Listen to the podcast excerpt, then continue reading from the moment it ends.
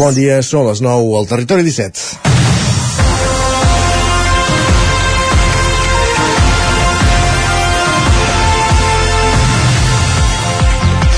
Vivim envoltats de càmeres de vídeo que ens estan enregistrant constantment, a més de telèfons mòbils, qualsevol establiment, l'entrada d'un bloc de pisos i ara també els cotxes porten càmeres.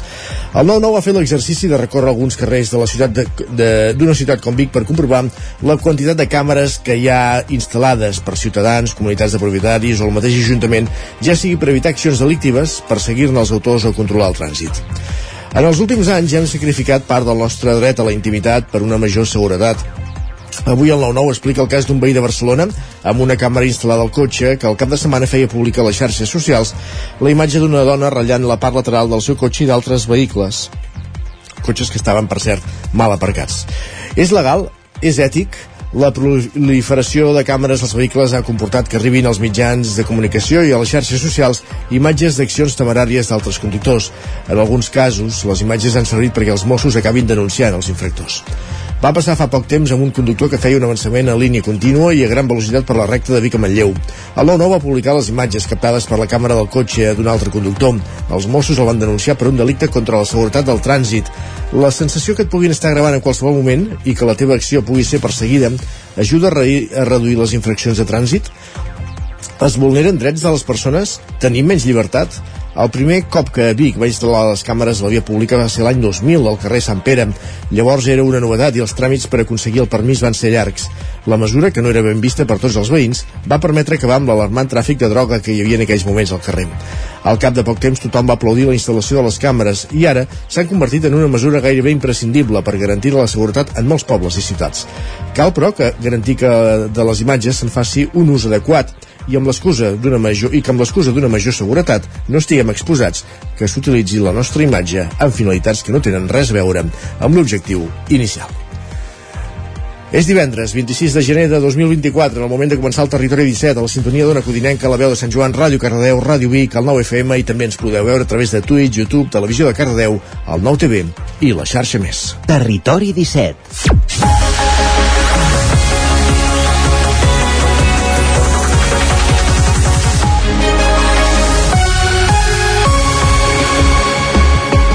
Dos minuts i mig que passen de les 9 del matí d'aquest matí de divendres 26 de gener, en el moment de començar el territori 17, el magazín de les comarques del Vallès Oriental, l'Osona, el Ripollès, el Moianès i el Lluçanès, que us fa companyia cada matí durant dues hores, des d'ara i fins al punt de les 11.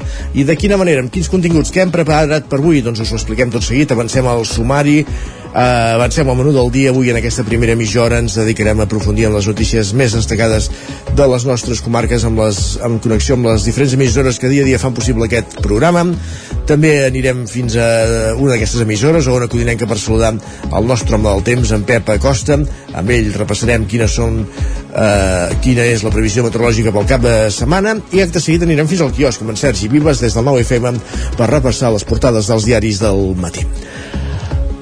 A partir de dos quarts de deu, com cada divendres, és temps de tertúlia, aprofundint en l'actualitat de les nostres comarques. Avui centrarem molt el debat en les, les càmeres de vigilància. Estem controlats, vivim en un gran hermano i ho farem en companyia de Miquel R, Ton Falqués i Joan Garcia. A les 10 notícies, la previsió del temps i acte seguit a partir d'un quart d'onze, temps pels esports, l'agenda del cap de setmana, l'agenda esportiva, també en connexió en roda amb les, amb les diferents emissores del territori 17. Per acabar el programa la darrera mitja hora, com cada divendres, primer amb en Jaume Espuny, amb els clàssics musicals, repassant un, la trajectòria d'un artista i un disc en concret, i acabarem el programa fent un cop d'ull a l'agenda d'actes del cap de setmana, una agenda, per exemple, marcada, ja ho dèiem dilluns, per aquest tret de sortida a les celebracions relacionades amb el Carnaval, que celebra Centelles amb una nova edició del Cau de Bruixes, però que encara coincideixen amb passants dels Tres Toms, per exemple, aquest cap de setmana a Santa Eugènia de Berga.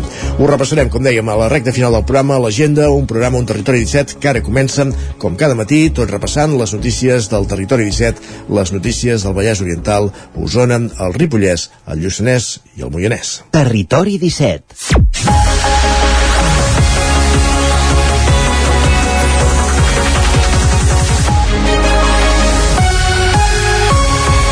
Doncs cap a aquesta darrera comarca que ens desplacem, una operació conjunta entre els Mossos d'Esquadra, la Policia Nacional i la Policia Local d'Argentona, al Maresme, ha permès de tenir en aquest municipi un, un home, eh, Miquel Nieto, acusat d'abusos sexuals mm, a menors, corrupció de menors i pornografia infantil i una, xarxa, una, una operació que ataca també Castellterçol, Roger Rams, zona codinenca. Sí, és Ah, exacte, bon dia Isaac. Aquesta investigació ha aconseguit fins ara identificar 10 víctimes d'arreu de l'estat espanyol, dues d'elles, com deies, de Castellterçol, el Moianès, que haurien patit abusos per part de Nieto, a banda de quatre més a Argentona i la resta de Múrcia, Tenerife i Alacant. L'home captava els menors a través de la plataforma Discord, molt utilitzada entre els jugadors de videojocs, i els convidava a casa seva on, després de guanyar-se la seva confiança i la dels seus pares, els feia fotografies pornogràfiques fins i tot quan dormien. De moment, la policia ha pogut saber que els menors van patir abusos entre els anys 2017 i 2020, quan tenien entre 13 i 15 anys. A més, en els escorcolls policials al domicili de Nieto també s'hi van trobar una setantena d'imatges de menors. El detingut era conegut per molta gent al municipi ja que exercia de mestre i a més treballava en diversos esplais de lleure a Argentona. A banda estava vinculat a la política municipal ja que l'any 2015 va ser el número 2 a les llistes d'iniciativa per Catalunya als Verds en aquest municipi maresmenc. Ara el jutjat número 2 de Mataró ha obert un procediment al que hi ha fins a quatre persones investigades per aquest cas, una que ja ha entrat a la presó de manera provisional i tres més que estan en llibertat amb mesures cautelars. Gràcies, Roger més noms propis, aquest en positiu, en un to bastant més positiu. Parlem de Daniel Mateo, de Sant Pere de Torelló. És enginyer a l'empresa Bugatti Rimac, que ha desenvolupat el cotxe elèctric de producció més ràpid del món. Ha arribat als 412 km per hora. La presència d'aquest cotxe hiperesportiu a Sant Pere durant el cap de setmana va cridar l'atenció dels veïns. Sergi Vives, al 9FM. Així és, el vehicle que portava Daniel Mateo és un dels prototips del Rimac Nevera, del que fins ara se n'han venut una trentena d'unitats a Europa, als Estats Units i també a l'Orient Mitjà i a l'est asiàtic. Cada cotxe val 2 milions d'euros i n'hi haurà com a molt 150 a tot el món. La producció que en farà l'empresa. Mateo lidera amb altres enginyers els equips que s'encarreguen de les proves amb els prototips. Va encarregar-me de que la flota de prototips funcioni, d'instrumentar els cotxes amb qualsevol sensors eh, addicionals que necessitem per tal de validar eh, tot el, tots els components del cotxe i després fer els testos en diferents circuits o en diferents condicions doncs agafem el cotxe amb un grup de mecànics, un grup eh, d'enginyers i anem als diferents circuits, als diferents uh, centres de proves a fer la, a fer la validació que necessitem. Aquests dies Daniel Mateo era a Catalunya, la pista de proves de Plus i Diada a Tarragona i també fent un recorregut per diferents poblacions per fer el testatge de punts de càrrega. Tot i que té prestacions per córrer per circuits, el Rimac Nevera és un cotxe de carrer. En aquest context, el de les velocitats legals a les carreteres té una autonomia d'uns 350 quilòmetres i una bateria que es carrega molt ràpidament. És un cotxe elèctric amb quatre motors independents, un per roda, i té 1.914 cavalls. Uh, això li permet fer de 0 a 100 en una mica menys de 1,8 segons i una velocitat màxima de 412 km per hora. El, això ho fa molt ràpid i és una, és una bèstia de cotxe. Al tenir una bateria bastant gran podem carregar d'una forma molt ràpida i llavors en mitja hora tens la, la bateria del 20 al 100% per Mateo, l'avenç del cotxe elèctric i dels vehicles amb combustibles alternatius a la gasolina i al gasoil és imparable. Afegeix, però, que cal una infraestructura adequada per poder carregar els vehicles i també un canvi de mentalitat. Ell, amb tot just 28 anys i havent destacat ja de molt jove en l'àmbit de robòtica i la mecànica, espera continuar la seva trajectòria a Bugatti, a Bugatti Rimac i va entrar fa 3 anys, després d'haver-ne treballat 3 mesos a McLaren, a Anglaterra, on hi havia anat a estudiar un màster de motorsport. De fet, segur que molts dels nostres oients eh, recorden un nom, el dels de Sant Parencs, un equip que va fer fortuna a la FES Lego League, aquella competició de robòtica dels instituts, van marcar una època, els de Sant Parencs, doncs un dels de Sant Parencs era Daniel Mateo, aquest enginyer que ara treballa amb aquest cotxe. Per tant, aquesta competició de, de robòtica, que segur que d'alguna manera eh, mica mica també va descobrint, va fent planter, diguéssim, per, per futurs enginyers, com és el cas de, de Daniel Mateo. Més qüestions. Després que el conseller de Salut, Manel Balcells, anunciés la voluntat del govern català de construir un nou CAP Vic Nord, la secció local d'Esquerra Republicana Vic diu que ara està, està treballant perquè també la Conselleria en construeixi un de nou al sud de la ciutat en substitució del Cap del Remei, del qual s'estan fent obres d'ampliació. Sergi. Així és, no obstant això, en el redactat asseguren que les actuacions previstes al Cap del Remei d'ampliació i millora i pressupostades en 1,3 milions d'euros no són suficients i que no evitaran que en un futur proper les deficiències de l'equipament tornin a brotar. Per això demanen també que a banda del Cap Vic Nord es construeixi un nou Cap del Remei. La portaveu dels republicans és Maria Balasc. I creiem que invertir aquest millor 300.000 euros per ampliar quan d'aquí 5 anys o 10 haurem de fer un cap, un cap nou perquè, perquè tots els que hi hem anat o hem passat per allà hem vist com estan les instal·lacions nosaltres volem lluitar perquè els barris del sud també tinguin, com els barris del nord, un cap nou en el seu, en el seu barri. I creiem que això és possible i és factible.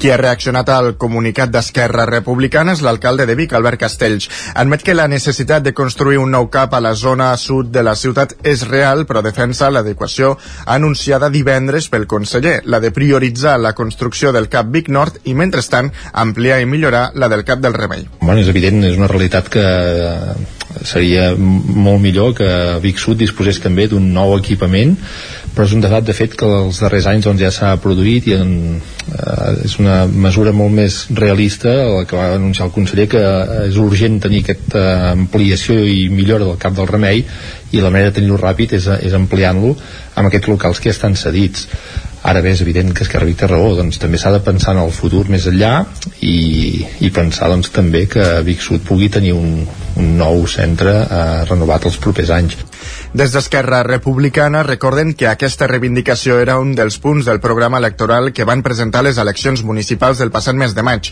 En aquell moment, els republicans ja van posar damunt la taula una altra necessitat a la ciutat que per ara aparquen la de tenir en un futur un tercer cap. Més qüestions, anem cap al Ripollès perquè comencen les obres de rehabilitació de la façana de l'Ajuntament de Ripoll que han d'estar acabades en un parell d'aquí un parell de mesos. Isaac Muntades, la veu de Sant Joan. Aquest dilluns van començar les obres de rehabilitació de la planta baixa de la façana principal de l'Ajuntament de Ripoll, uns treballs que s'han adjudicat per un import de 118.600 euros a Reatec Zenit SL, l'única empresa que es va presentar al segon concurs públic anunciat pel consistori, ja que la primera vegada que es va licitar va quedar desert. El projecte compta amb una subvenció de 47.500 euros provinents del Departament de Cultura de la Generalitat de Catalunya i un termini d'execució d'entre dos i tres mesos. Tal com explicava l'alcaldessa de Ripoll, Sílvia Oriols, l'equip de govern, com també diversos grups de l'oposició, estaven preocupats pel fet que les obres s'havien d'acabar abans del 31 de gener d'enguany per no perdre la subvenció, però es van adonar que hi havia un error en el termini i en realitat es referia a aquest mateix dia però al 2025. L'alcaldessa d'Aliança Catalana detallava quines són les actuacions que duran a terme els treballadors. I es tracta doncs de repicar tota la part inferior de l'Ajuntament i tornar-la a rebussar perquè estava en un estat realment molt lamentable. Es farà també tota l'escala, això ens permetrà doncs a curt termini poder arreglar també els lavabos públics i que la gent pugui accedir-hi. Sí, ens havíem trobat doncs, que queia trossos literalment la façana i de fet doncs, quan pujaves les escales hi havia fins i tot problemes de seguretat perquè hi havia trossos de rebussat que, que queien mentre circulava la gent i evidentment s'havia d'arreglar. El mes de novembre de l'any passat, el ple de l'Ajuntament va aprovar amb els únics vots contraris de Junts una modificació de crèdit del pressupost municipal que destinava 76.000 euros a la millora de les escales del consistori i també dels lavabos públics, ja que fins aquell moment només hi havia una partida de poc més de 3.500 euros per a aquestes actuacions. La majoria d'aquests diners es van obtenir donant de baixa crèdits una altra partida pressupostària per fer el paviment del passeig de Sant Joan, que ha passat de 104.000 a 31.600 euros. Tornant a la millora de la façana consistorial, era una obra que tots els partits de l'Ajuntament portaven reivindicant els últims anys. Gràcies, Isaac. Més qüestions. Després de 8 anys, Sant Hipòlit de Voltregà recupera el mercat setmanal dels dijous, Sergi. Així és, l'any 2002 el mercat es va traslladar del casc antic a l'aparcament del pavelló i des de llavors es va anar diluint fins que només va quedar una parada que va acabar deixant de venir. Sumat al tancament d'alguns comerços locals, l'Ajuntament ha impulsat el renaixement del mercat setmanal amb la voluntat de portar productes que actualment no es poden trobar al municipi i potenciar també el comerç del poble. Ara, però, es presenta en una nova ubicació, el pont de Can Torró, un lloc cèntric, visible i de fàcil aparcament, un espai ideal que pel consistori hauria de garantir-ne la seva continuïtat. Miquel... La idea Vila... aquesta. Que... Miquel del Vila del Bosc és el regidor de promoció econòmica i Gerard Sánchez l'alcalde. La idea era aquesta, crear un mercat per donar servei a el que no tenim al poble i crear aquesta sinergia entre els paradistes i els comerciants i convertir el dijous en un dia de comerç municipal. És una cosa que, que hi havia gent que ens demanava, que fins i tot els comerços eh, també ens demanaven, perquè al final si hi ha un mercat hi ha gent voltant pel carrer, si hi ha gent voltant pel carrer hi ha moviment, el comerç també en surt repercutit, i és cert que si, si ho tornàvem a intentar eh, ho volíem fer d'una manera que almenys eh, intentar garantir eh, un futur eh, si més no d'aquí ve de fet el canvi d'emplaçament aquest dijous l'estrena del nou mercat ha causat forta expectació. La Carmen i la Paquita, dues veïnes del municipi, coincident en la necessitat de tenir-lo. Me parece muy bien porque no había nada aquí y aquí San Hipólito se está quedando pero muerto. Tienes que coger y marcharte a Vic, Manlleu o Torelló o a donde sea. Sí, que feia falta, sí, és molt important.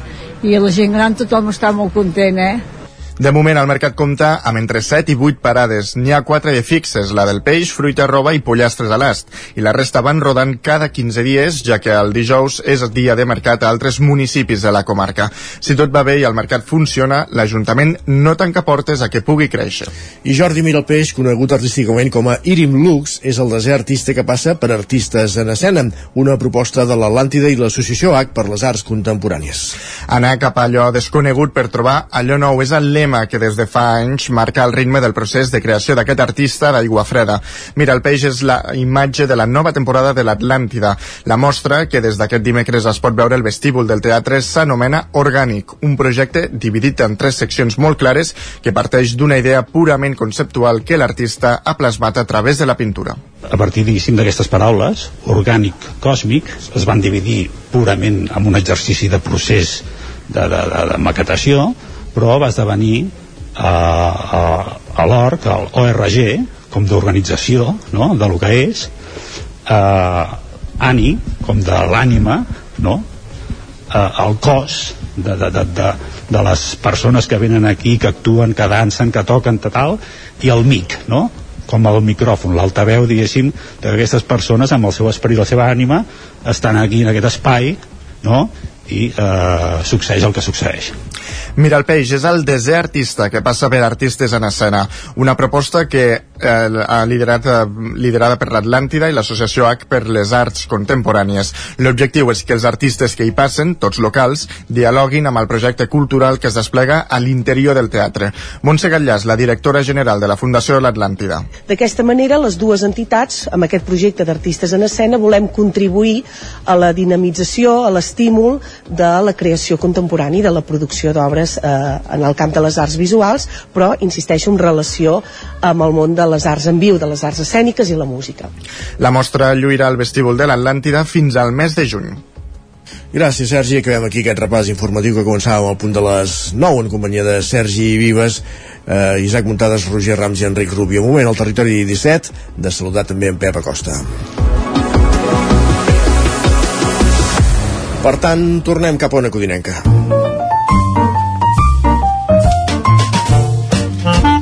Casa Terradellos us ofereix el temps. Pep Acosta, quin temps ha fet les darreres hores i què esperem del cap de setmana? Bon dia. Hola, molt bon dia. Com estàs? Per fi és divendres, últim divendres del mes de gener. Ja arribem al cap de setmana i ho fem amb aquest anticicló eh, que tenim a sobre, aquest anticicló tan càlid que tenim just a sobre la península ibèrica. Ahir, eh, temperatures d'escàndol, eh, més de 20 graus, a moltíssimes poblacions, algun valor de 22-23 graus, una autèntica barbaritat. Eh, al Pirineu, moltes màximes, inclús per sobre els 15 graus, eh, pròximes als 1.000 metres, eh, per tant, eh, bueno, un panorama eh, impressionant el que ens està deixant aquest anticicló càlid, aquesta bombolla càlida que tenim a sobre nostra. Eh, eh, aniré molt de pressa perquè és que el temps, tant avui com dissabte com diumenge, serà el mateix. Eh, L'anticicló sí que mm, es retira una mica cap al nord, se'n va més cap a centre Europa, però tot i així encara ens afectarà i, i serà gran protagonista del cap de setmana, aquest potentíssim anticicló que tenim a sobre. Uh, ara mateix les temperatures també són molt altes, només fa una mica de fred a les valls, a les zones més enclotades, eh, l'aire fred queda ja estancat, eh, hi ha alguna glaçada cap a Ripollès, bueno, però molt poca cosa, a les parts més fondes, eh, perquè novament a la muntanya les temperatures són àmpliament positives eh, per ser finals de, de gener i són molt, molt positives temperatures ben bé 12-14 graus més altes del que haurien de ser, eh? una, una autèntica barbaritat. Um, avui el dia uh, molt assolellat, algunes boires, hi haurà algunes boires que seran persistents a aquestes primeres hores del matí, després s'acabaran uh, fonent per la força de, del sol i molt poca cosa més. Uh, no hi haurà cap, cap núvol, pràcticament molt poca cosa, i avui les màximes novament superiors als 20 graus, eh, calor al migdia, i eh, molt contrast tèrmic, sobretot a les valls i les zones més, valls més fondes, entre el dia i la nit. Estem parlant que ara mateix hi ha poder 1 o 2 graus, o 3 graus, al migdia superem els 20, per tant, molt contrast tèrmic entre el dia i la nit. Demà, eh, demà es desinfla una mica el termòmetre, avui gairebé serà tan càlid com el d'ahir, en canvi demà es pot desinflar les màximes 2-3 graus. Continuarà eh, aquest anticicló potentíssim, tot i que, com deia abans, es desplaça una mica cap al nord, però ni un núvol, algunes boires, temperatures més altes del normal. I diumenge encara baixarà 1 o 2 graus més respecte a dissabte, eh, per tant la temperatura de diumenge a d'avui pot baixar 5-6 graus sobre les màximes, entrarà una mica més d'aire fred a les capes altes i farà que el Pirineu la baixada de temperatura sigui més accentuada, sobretot a les zones més altes. Baixarà el termòmetre, però encara valors per sobre dels, normals. Diumenge, seguint l'anticicló, gairebé cap núvol, molt de tranquil·litat, molt de sol i cap precipitació. No es veu cap precipitació en lloc durant els pròxims dies i inclús a Sant que ve tampoc es veu ni una precipitació, eh? per tant un panorama molt, molt dolent el que tenim per endavant.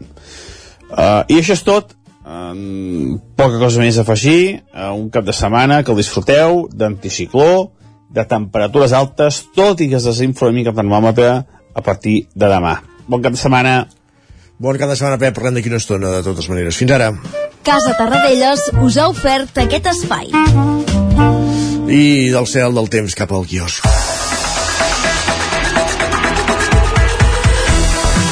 Perquè és moment, Sergi, de repassar quines són les portades dels diaris del matí. Avui és divendres i comencem, per tant, aquest repàs amb les portades de les dues edicions del 9-9, la d'Osona, el Ripollès, el Lluçanès i el Moianès, i la del Vallès Oriental i també el Moianès.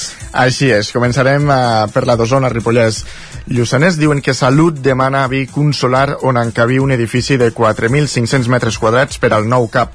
Expliquen que l'Ajuntament ha presentat diverses opcions, fins i tot al mercat municipal, però prioritza el barri dels Caputxins.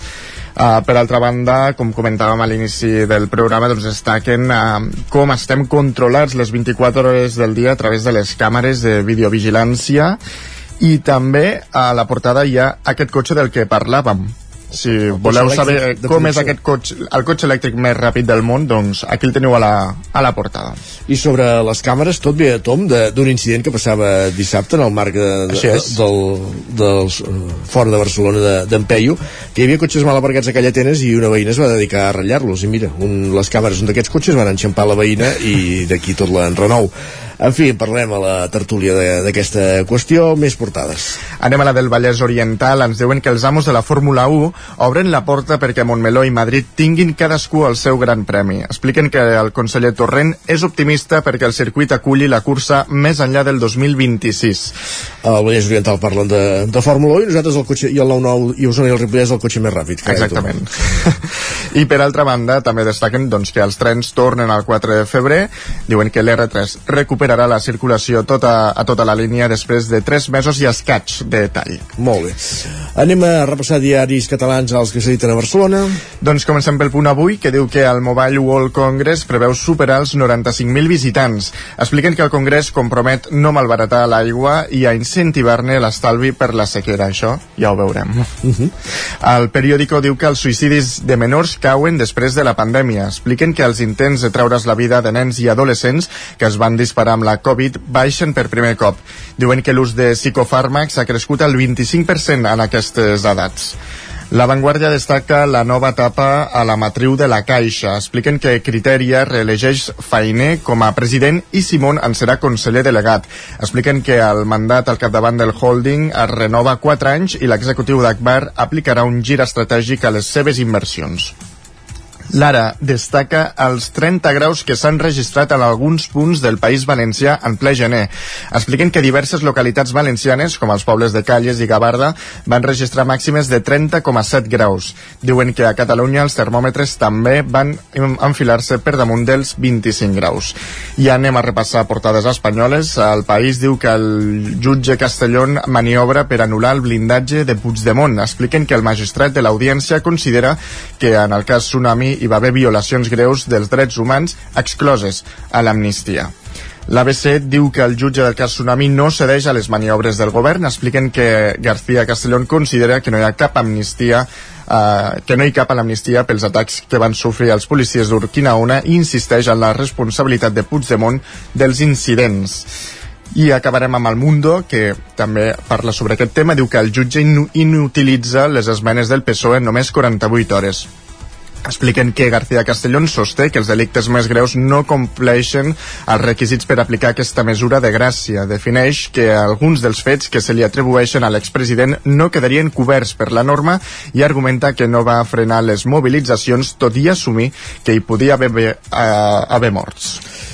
Gràcies, Sergi. Abans de marxar, fem un cop d'ull ràpid a les edicions digitals, a l'edició d'Osona, el Ripollès i el Moianès del 99.cat. Doncs, eh, tal com us hem explicat, Sant Hipòlit recupera el seu mercat setmanal 8 anys després. I a l'edició del Vallès Oriental? Doncs diuen que queda enderrocada la nau de l'empresa de residus Taga de Granollers, incendiada al setembre. Moltíssimes gràcies. A tu. Nosaltres ara fem una petita pausa, però tornem de seguida amb la tertúlia i ens esperen Miquel R, Joan Garcia i Ton Falqués. Uh, 3 minuts i tertúlia aquí, al Territori 17.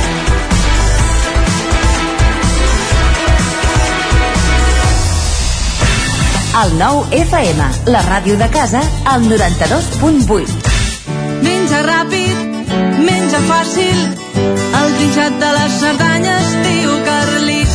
Mmm, boníssim! Trinxat Carlit, 100% natural, fet cada dia a Puigcerdà i a punt en un minut. Encara et preguntes què t'emportaràs a la feina o a la uni per dinar? El trinxat de les Cerdanyes, tio Carlit. 26è Cau de Bruixes de Centelles. Del 23 al 28 de gener torna una festa per a tots els públics que gira al voltant de la tradició de les bruixes de Centelles. Hi trobaràs jocs de taula, conferències i xerrades, exposicions, sopar embruixat o rutes guiades. No hi faltarà el mercat màgic amb tarot, cartes astrals, bruixes i artesania o l'espectacle Cau de Foc. Vine a descobrir qui és la nova bruixa de l'any al Cau de Bruixes de Centelles. Consulta tot el programa d'actes a centelles.cat barra cau de bruixes. Cobertes serveis funeraris. Els nostres tanatoris estan ubicats en els nuclis urbans més poblats de la comarca d'Osona per oferir un millor servei. Tanatori de Vic, Tanatori de Manlleu, Tanatori de Centelles i Tanatori de Roda de Ter. Sabem que són moments difícils i per això el nostre compromís és atendre-us en tot moment amb un tracte humà, sensible i respectuós. Cobertes serveis funeraris. Telèfon 24 hores 93 883 23 46. Cocodril Club. Si t'agrada la bona música dels anys 60, 70 i 80, escolta el 9 FM als matins de dissabtes i diumenges d'11 a 1. És el temps del Cocodril Club, tot un clàssic de la ràdio, amb les bases del pop-rock, les llegendes, les cançons que s'han convertit en autèntics himnes. Recorda, dissabtes i diumenges al matí, d'11 a 1, al 9 FM 92.8. Cocodril Club, el programa revival de l'Albert Malla. Hasta luego, cocodrilo. L'infopodcast del 9-9 amb Sílvia Pedret. Cada dia et donem les claus de les notícies més rellevants de casa nostra. Vivim en una comarca que s'està demostrant pionera. Doncs... Desperta't cada dia amb l'infopodcast del 9-9. Aquesta setmana tornen a ser notícia els pantans perquè han baixat... El trobaràs a dos quarts de vuit del matí al 99.cat, Spotify, iVox i, si ho vols, te l'enviem directament al mòbil. Subscriu-te als canals de WhatsApp i Telegram del 99. Soc Sílvia Pedret. Comencem.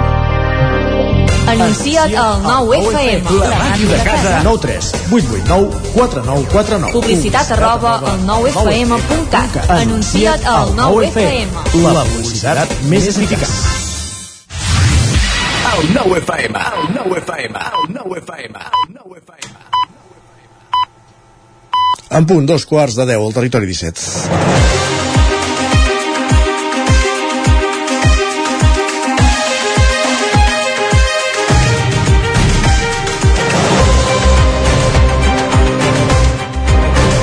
I ja sabeu que els divendres a aquesta hora és temps de tertúlia al territori 17, avui acompanyats d'en Miquel R, en Toni Falqués i en Joan Garcia, molt ben acompanyats com cada setmana, benvinguts a tots tres, bon dia. Bon dia. Bon dia. Bon dia. Bon dia. I ens agradaria fer-nos ressò d'aquest tema que ja comentàvem a la portada, també ara repassant els, eh, els diaris, que és eh, el fet aquest d'estar vivint, la sensació de vegades que pots tenir d'estar vivint en, en un gran hermano, no? I tot ve a tom d'un fet, d'un succés, d'una anècdota, podríem dir-ne, i és que dissabte, en el marc de eh, un espectador que va anar va sortir de Barcelona per anar a veure l'espectacle d'en Peyu en aquesta campanya que fa el Teatre de Call d'Atenes de sortir, eh, que la gent surti de Barcelona per veure teatre va deixar el cotxe mal aparcat i quan va sortir se'l va trobar ratllat. Tenia un cotxe no sé si d'alta gamma o si d'última generació amb càmeres incorporades i això li ha permès localitzar l'autora d'aquestes ratllades. I això ens fa qüestionar el fet aquest que vivim hipervigilats perquè hi ha càmeres als cotxes però en trobem eh, qualsevol establiment en trobem a la via pública inicialment per controlar el trànsit però també per qüestions de seguretat i fins i tot molts habitatges o comunitats de propietaris eh, opten per aquest sistema doncs per si més no per dissuadir eh, qui vulgui cometre quines infraccions com a mètode dissuasori com a mètode de, de seguretat. No sé si vosaltres en algun moment heu tingut aquesta sensació que, que comentàvem ara de viure en, en un gran hermano. Qui, qui arrenca? jo diria que de fet sí, estem- eh, pot ser que no, que hi hagi aquesta sensació, eh, però bé, eh, hi ha uns protocols eh, abans d'instal·lar aquestes càmeres, eh, eh, suposo que és això, eh, és trobar aquesta ponderació entre seguretat i llibertat eh, personal, no? Jo no d'entrada, així eh, des d'un punt de vista de sentit comú, no hi veig eh, que hi hagi d'haver problema amb que estiguem gravats, tenint en compte, primera, que tot el dia portem un mòbil a la butxaca que ens té eh, permanentment controlats eh, dia i nit, eh, saber, saben, saben què fem, els nostres gustos, on ens movem, absolutament tot, i això des de la nostra absoluta llibertat que prenem la decisió de portar-lo a la butxaca. Segona, a vegades es magnifica el tema aquest d'anar tranquil·lament pel carrer que et pugui gravar una càmera, no sé, jo, jo no sé què fa la gent pel carrer, que això li robi intimitat, el simple fet de desplaçar-te d'un lloc a l'altre que et pugui gra- gravar una càmera. Per tant, si la contrapartida, ja dic, eh, sempre de, de, buscant, vull dir, complir uns protocols i, i el que sigui, però sempre que la contrarèplica sigui la seguretat, mm, jo penso que val la pena posar en risc aquesta teòrica afectació de la intimitat.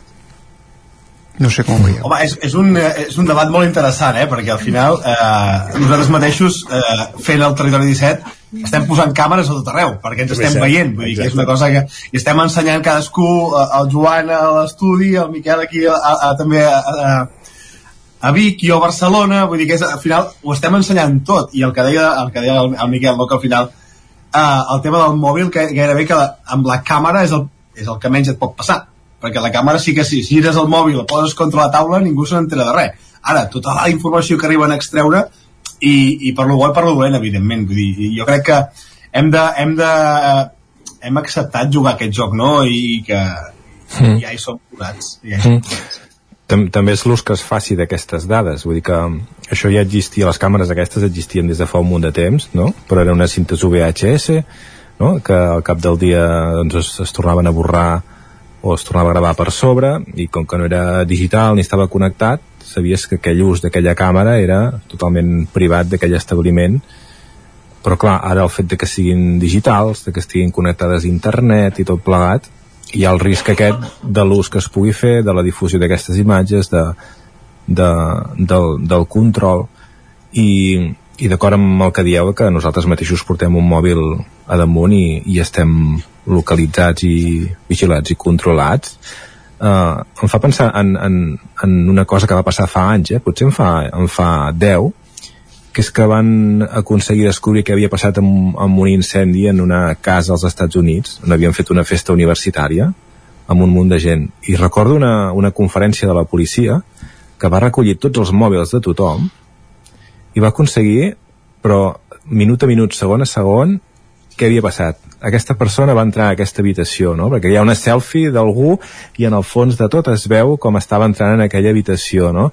Aquí es veu que està, que està fumant. Aquí, en, aquest, en aquesta següent imatge, es veu com entra aquí i quan surt no té el cigarro. Eh, L'incendi va iniciar, es va iniciar en aquesta habitació, vull dir que... I tot això a través de, de, de les fotografies, de, de les, dels posts, de les xarxes socials i tot que va fer les 200 persones o que hi, que hi havia en aquella, en aquella casa doncs van aconseguir-ho reconstruir.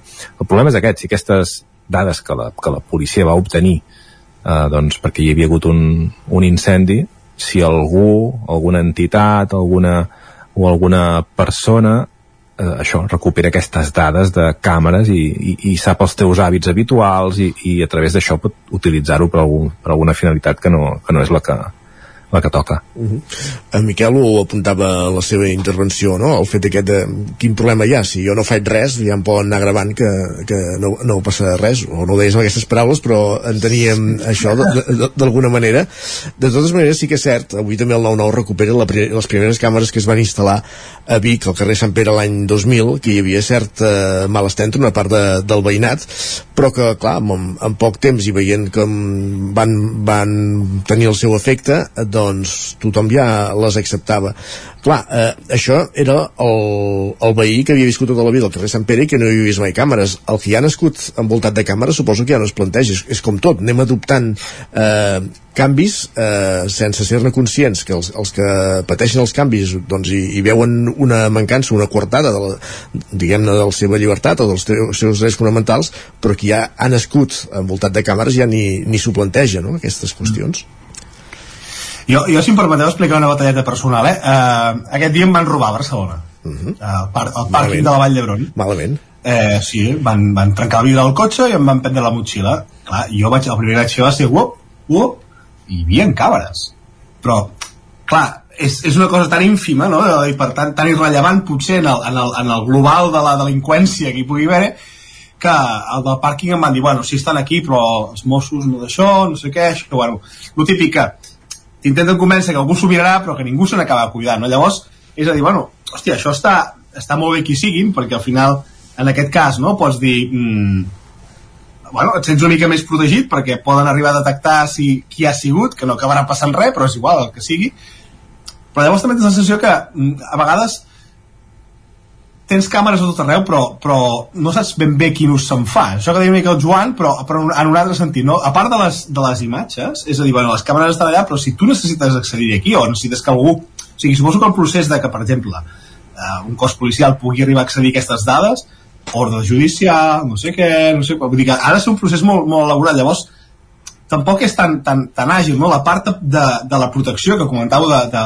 del carrer aquest de, de Vic que van començar a posar càmeres i la cosa doncs va semblar que millorava, o aquestes càmeres que estan a tots els pobles, per exemple, a Caldes de Montbui, no fa gaires anys va instal·lar un fotimer de càmeres a totes, a totes les urbanitzacions i a les entrades del poble per poder controlar quins cotxes entraven i sortien. És complicat, és complicat, perquè llavors al moment que ho necessites dius, mm, bueno, mm, tampoc és tan, tan àgil el tema. Sí, suposo que no és àgil precisament per preservar allò que dèiem, eh? per trobar aquesta ponderació entre llibertat. Per, per, per tant, per exemple, la, la, les d'aquí que enfoquen el trànsit, eh, només hi pot accedir exclusivament la Guàrdia Urbana. Per tant, caldrà, m'imagino, una denúncia formal per utilitzar imatges d'aquestes per un altre fi que no sigui la denúncia d'un cotxe que ha entrat mm -hmm. il·legalment.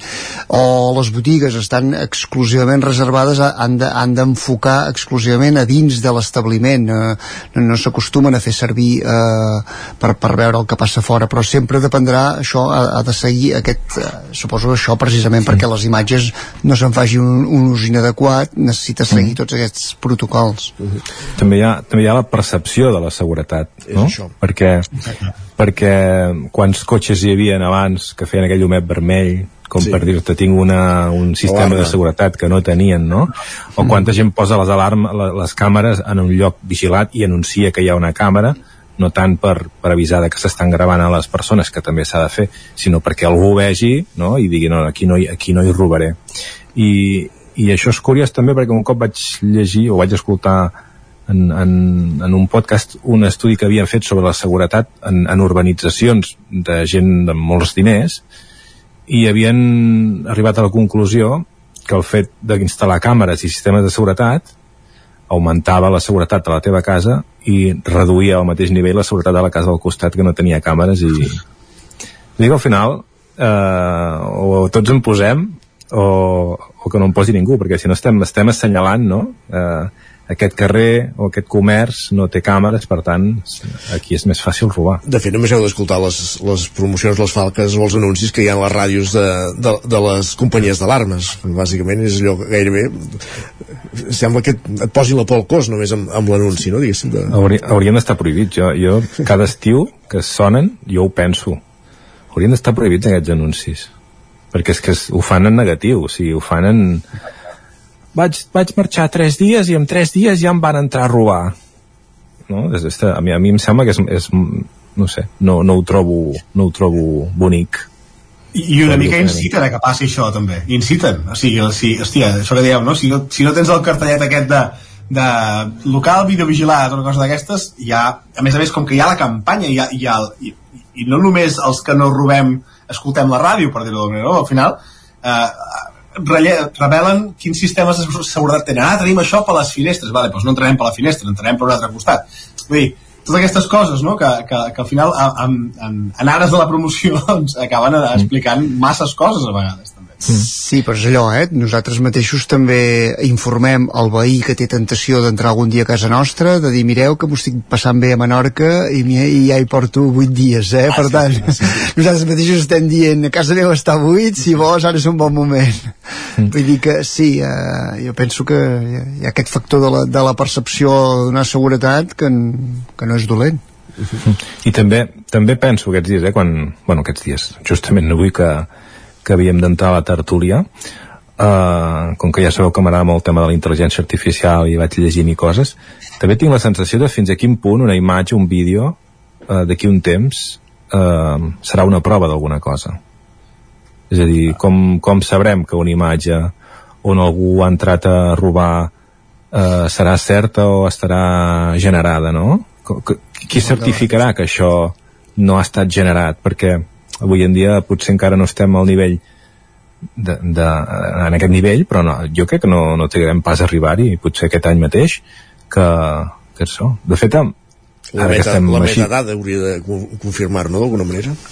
No ho sé, no sé, no sé, però, però serà complicat. De fet, ara que estem així això, xerrant i cadascú amb la seva càmera, hi ha un, hi ha un software que han creat que serveix perquè agafa la imatge que tu estàs gravant de la teva càmera i la que ensenya la videoconferència és una que tota l'estona està mirant. Però tu tanques els ulls o estàs mirant cap a un cantó o estàs mirant cap a baix al mòbil i el software en temps real el que fa és que et modifica els ulls i els estàs mirant, estàs atent tota l'estona. I, i és això, és a dir, fins a quin punt la imatge d'aquí un temps serà, serà prova d'alguna cosa o no i, i veig moltes aplicacions eh, en aquest software ostres, per les reunions aquelles pesades de feina pot, mm. pot ser interessant pot ser, sí Sí, clar, és un debat, eh, és, és veritat, és una de les moltes sí, sí, interrogants que, que, que pot generar, en aquest cas també aplicable a, a aquest fet. I en, en un curs que vaig fer de, de protecció de dades, el que em va semblar curiós és que el que no es pot agafar és l'àudio.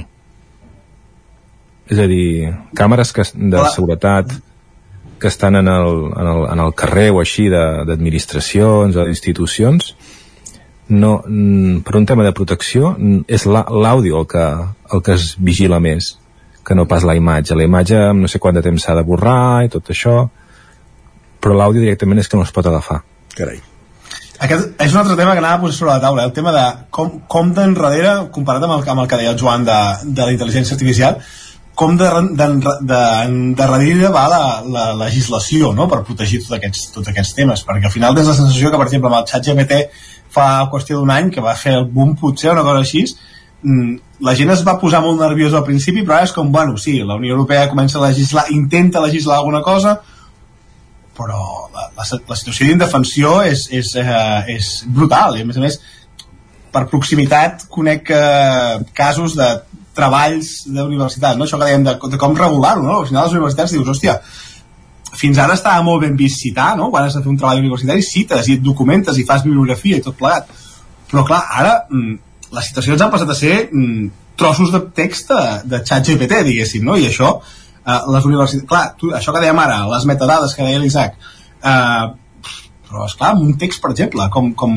sí que pots, eh, sí que pots posar-ho contra un detector d'intel·ligència artificial però al final tu pots arribar a emular l'escriptura aquesta no? com escriptors, el mateix, en el mateix cas no? De, si tu en una imatge, una fotografia, un vídeo tens unes metadades que, que indiquen que és intel·ligència, intel·ligència artificial és a dir, si som capaços de crear imatges del res o de, de, de, per intel·ligència artificial també serem capaços de modificar aquestes metadades perquè diguin que són reals saps? Mm -hmm i, i no crec que hi hagi ningú que, que digui ostres, jo tinc molt bona voluntat i, i, i no, no, jo si és una imatge creada per intel·ligència artificial ho posaré suposo que hauria d'arribar a aquest punt que la, gent, que la gent ho fes servir com a, com a eina, no com a estafa per dir-ho d'alguna manera, no? com una cosa que, que, que genera un contingut que, que pot estar bé però que tots plegats identifiquem com que és una cosa generada per, per, per mm. no humans el que està clar és que amb la intel·ligència artificial eh, que, que està, és molt incipient però que molta gent ja s'hi està abocant. Eh, aquest paradigma de la, seguretat, de la seguretat segurament també serà un altre, perquè potser ja no serà la càmera o la imatge la, que, la prova de tot, dir, el que dèiem abans, eh, amb el mòbil queda, queda registrat tot, tot el teu moviment i, i segurament serà molt més complet, tot plegat, no? diguéssim, per tenir una dada fiable d'on era aquella persona en aquell moment, etc etc etc. Ja es pot aconseguir, però llavors la dada la, la processarà, diguéssim, un, un sistema d'IA que, que et permetrà obtenir tota la informació amb molta més rapidesa, segurament i, i això ara és fent una visió sense tenir molt coneixement, eh? però diguéssim que, que segurament que, que les eines canviaran moltíssim en, en poc temps. Mm. I, tornant al tema de les càmeres, li volia demanar a Anton, perquè per, per l'aspecte de, de, de, de privadesa, de privacitat i tot això, algun cop que... Pot ser que els països del nord tinguin una concepció diferent de la, de la privacitat? Ho dic perquè alguna vegada que, una vegada que vaig anar a Suècia veia que les cases no tenien cortines i pensava, ostres, no, no és així, és així. Eh, eh, diguéssim que hi ha, hi ha dues coses. O sigui, per exemple, jo a la institució que treballo, que és un, un, un, a la Universitat de, de Lund, que és un lloc que es fa recerca puntera, eh, eh, tenim animalari, tenim llocs que hauria, en el nostre context de sud europeus haurien d'estar molt més protegits del que estan. O sigui, evidentment estan protegits, però, per exemple, càmeres, pràcticament no n'hi ha lloc a, a dintre els edificis. Almenys a, a, a l'Institut de Recerca que dius, hòstia, a vegades Eh, pot entrar, entrar i sortir molta gent, no? I això que deia, que deia Joan de, de, les, de les eh, cortines, per exemple, que és, una, és, és el, potser el paradigma de, del que seria la protecció a, a, a nivell zero, no? A casa teva passes la cortina i ningú et veu. La intimitat, sí. És molt, la intimitat és molt, uh, molt obert, vull dir, passes, passes pels carrers i tu veus la gent entre les cases i la gent no, no els hi preocupa en aquest sentit. Però per, per altra banda també eh, a mi em passa quan vinc aquí a Barcelona, no? És de dir, si estem prenent alguna cosa, la cartera i el mòbil a sobre la taula, o te'n vas al lavabo i deixes la motxilla amb el portàtil a la taula i no passa res, no, passa res. O, o estàs a la biblioteca, a la biblioteca o treballant en algun lloc, portàtil obert, te'n vas, ni, ni et preocupes. I clar, llavors arribes aquí, el contrast és molt gran, no has d'anar pendent tota l'estona de, bueno, vaig al lavabo, però he de deixar algú que em vigili la bossa, perquè si no, no sé què, no sé què, llavors me la foten, a més a més. Vull dir que, que, que sí, sí, que, que la sensació aquesta de, de és a dir, la no protecció poder generar més protecció en aquest, en, aquest sentit, no? Perquè al final, doncs, hòstia, la gent està tranquil·la i és, és, és totalment cert, sí. Mm. I parlant també dels límits, i quan començàvem a parlar de la tertúlia amb en Joan, eh, comparties un, un, una informació d'aquesta setmana, si no sí. recordo malament, era curiós el cas, no? d'una un, sí. persona que des d'un vol Londres-Menorca envia un missatge en un grup de WhatsApp reduït de sis persones eh, dient que, que volarà aquell avió, així fent, entenem que fent una broma, i quan mm. arriba a Menorca l'home acaba, el personatge acaba detingut, diguéssim, no? On, bueno. on són els límits de, de tornem-hi, de, de la... No només això, eh, sinó que un, F, un F-18 del Ministeri de Defensa va posar al costat de l'avió i el va anar vigilant, no fos cas que, que fes alguna maniobra uh -huh. i i clar, ja sabem com, què, què ha passat no? en, els, en els darrers uh, anys uh, amb el terrorisme a Europa i també, i també als Estats Units, no? Però, però el, el fet està aquí és que van aconseguir aquesta informació d'un grup de WhatsApp d'uns amics, tots anaven a l'avió, per tant que... I, bueno, aquest noi s'enfronta a haver de pagar uh, fins a 100.000 euros. fins a 100.000 euros de, o, o encara més per, per haver fet per haver fet aquest, generat aquest merder, no? Però, però la cosa és aquesta, és a dir, li van interceptar una conversa amb un grup privat de WhatsApp, suposo que devia estar connectat a la wifi de, de l'aeroport i, i això ho hem de tenir en compte, que quan estem connectats a una wifi les nostres dades doncs, passen per llocs que no sabem on, on qui, qui són o qui els vigila Tornem i això li va passar sí, sí. del que dèiem sí, sí. Sí.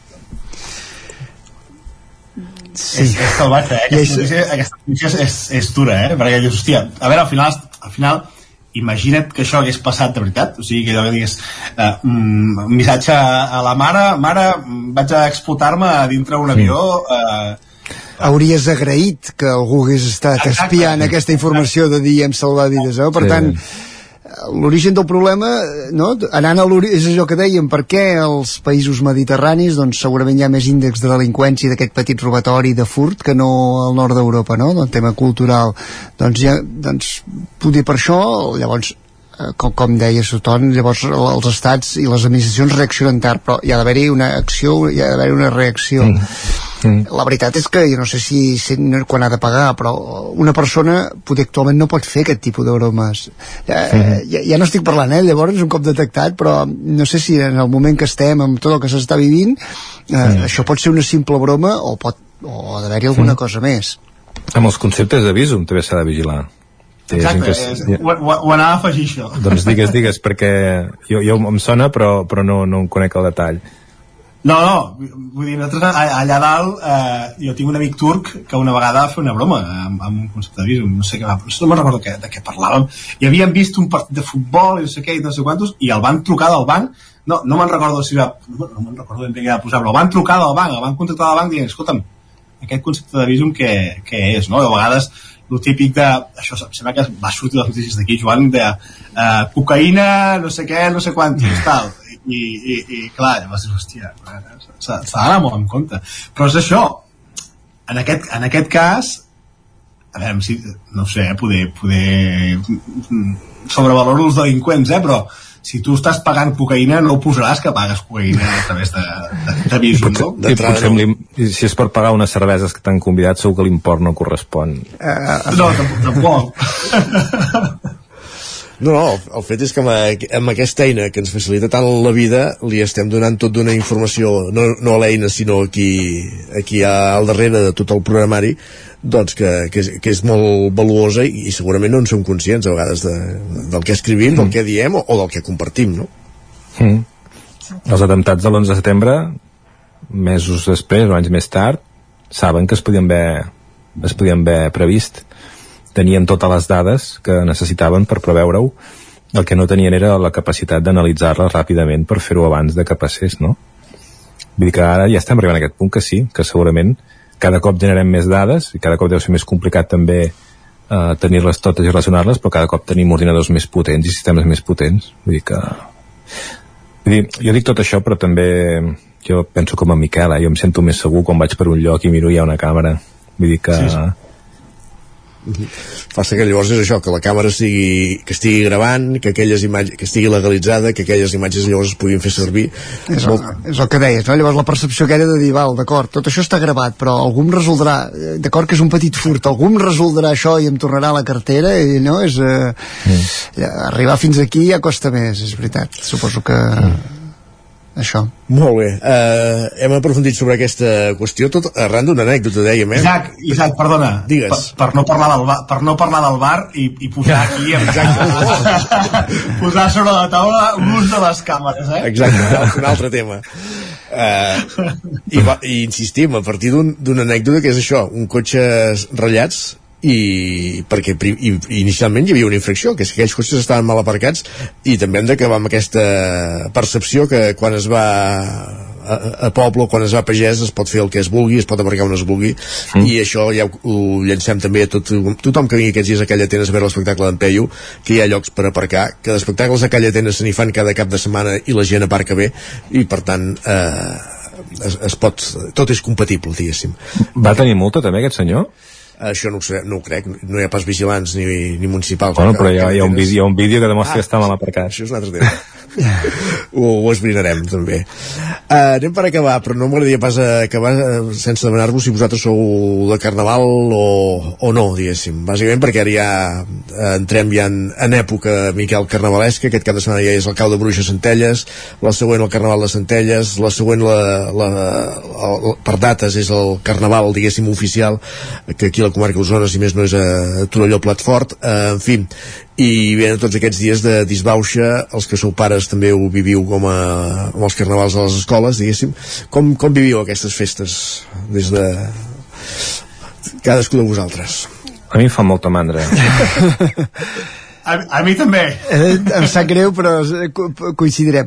Per, per diversos aspectes, eh? professionalment, perquè sempre vol dir un plus de feina, també ho hem de dir, perquè Mhm. això ens suposa, aquí encara hi ha, hi ha molt arrelament de carnavals i alguns es viuen molt intensament i, i estem molt feliços que se celebrin, que s'ho passin bé i tot plegat, però d'u- d'una banda és un plus de feina aquests dies, Uh, i de l'altre, els que hem viscut també des de totes les vessants, jo la veritat és que és una festa que no m'obro així amb canal, no la vaig disfrutar especialment ni quan era jove.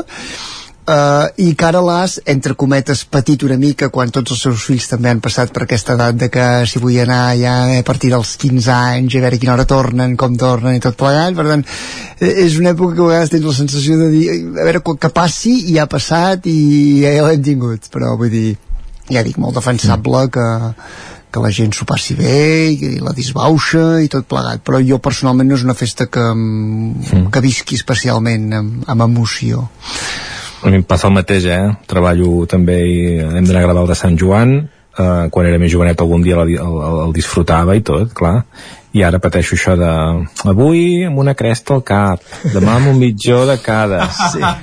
Tinc la sort que el meu fill, que té 5 anys, aquesta setmana ha dit que no té ganes de fer-ho. Dic, ja està bé. Però, Però, però, però, però recorda la dita, eh? Quan- Amb fills petits, problemes petits, fills grans, problemes grans. Ja t'arribarà. Sí, sí. Mentre Ja sigui un mitjó de cada color. Quan has dit això ho he pensat, eh? Millor mitjó que no pas... Sí. No. però llavors què faràs? No el portaràs a escola aquella setmana? perquè clar, cada dia ha de fer sí, sí, una performance No, escolta, però avui en dia ja, ja ho sabeu que el tema emocional dels infants és molt important i si el- l'infant no vol anar amb una cresta, doncs no hi va i no passa res tampoc.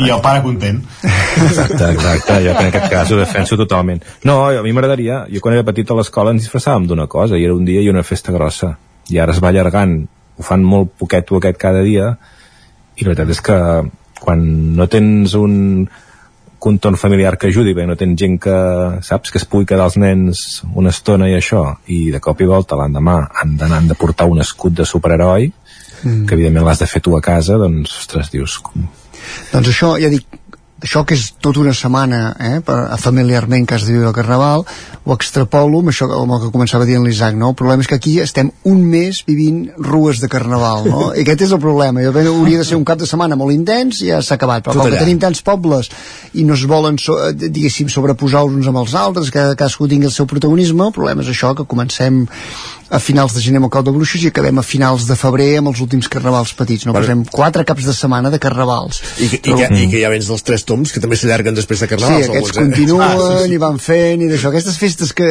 que, que són tan llargues, no? Eh, A vegades com és el que diem el Nadal, no? El Nadal ara ja ha de començar ben bé pel pont de la Puríssima, ja és l'ambientació de Nadal i fins després de Reis, no? Estem cinc setmanes amb ambientació de Nadal, en festes nadalenques.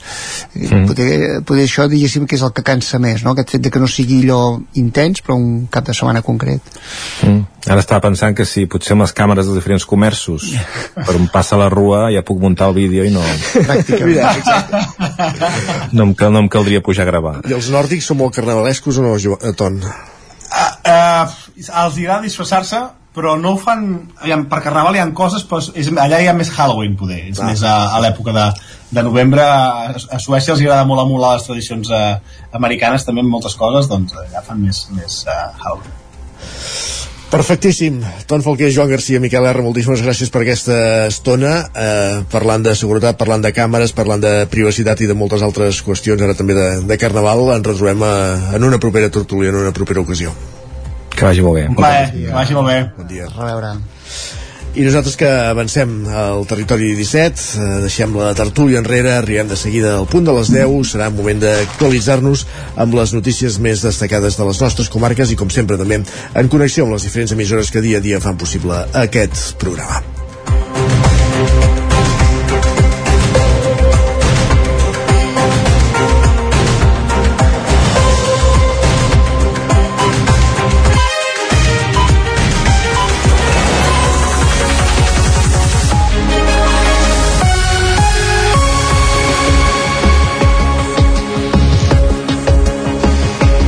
Moment per les notícies, moment per l'actualitat, en connexió amb les diferents emissores del territori 17, on acudirem que Ràdio Cardedeu, la veu de Sant Joan, Ràdio Vic, el 9 FM, també ens podeu veure a través de Twitch, YouTube, Televisió de Cardedeu, el 9 TV i la xarxa més, moment per explicar-vos les notícies de les nostres comarques, com per exemple que la Diputació de Barcelona impulsa la caravana d'innovació, un nou servei per fomentar la digitalització als municipis rurals que s'ha estrenat al Moianès. Roger Rams, ona Codirenca.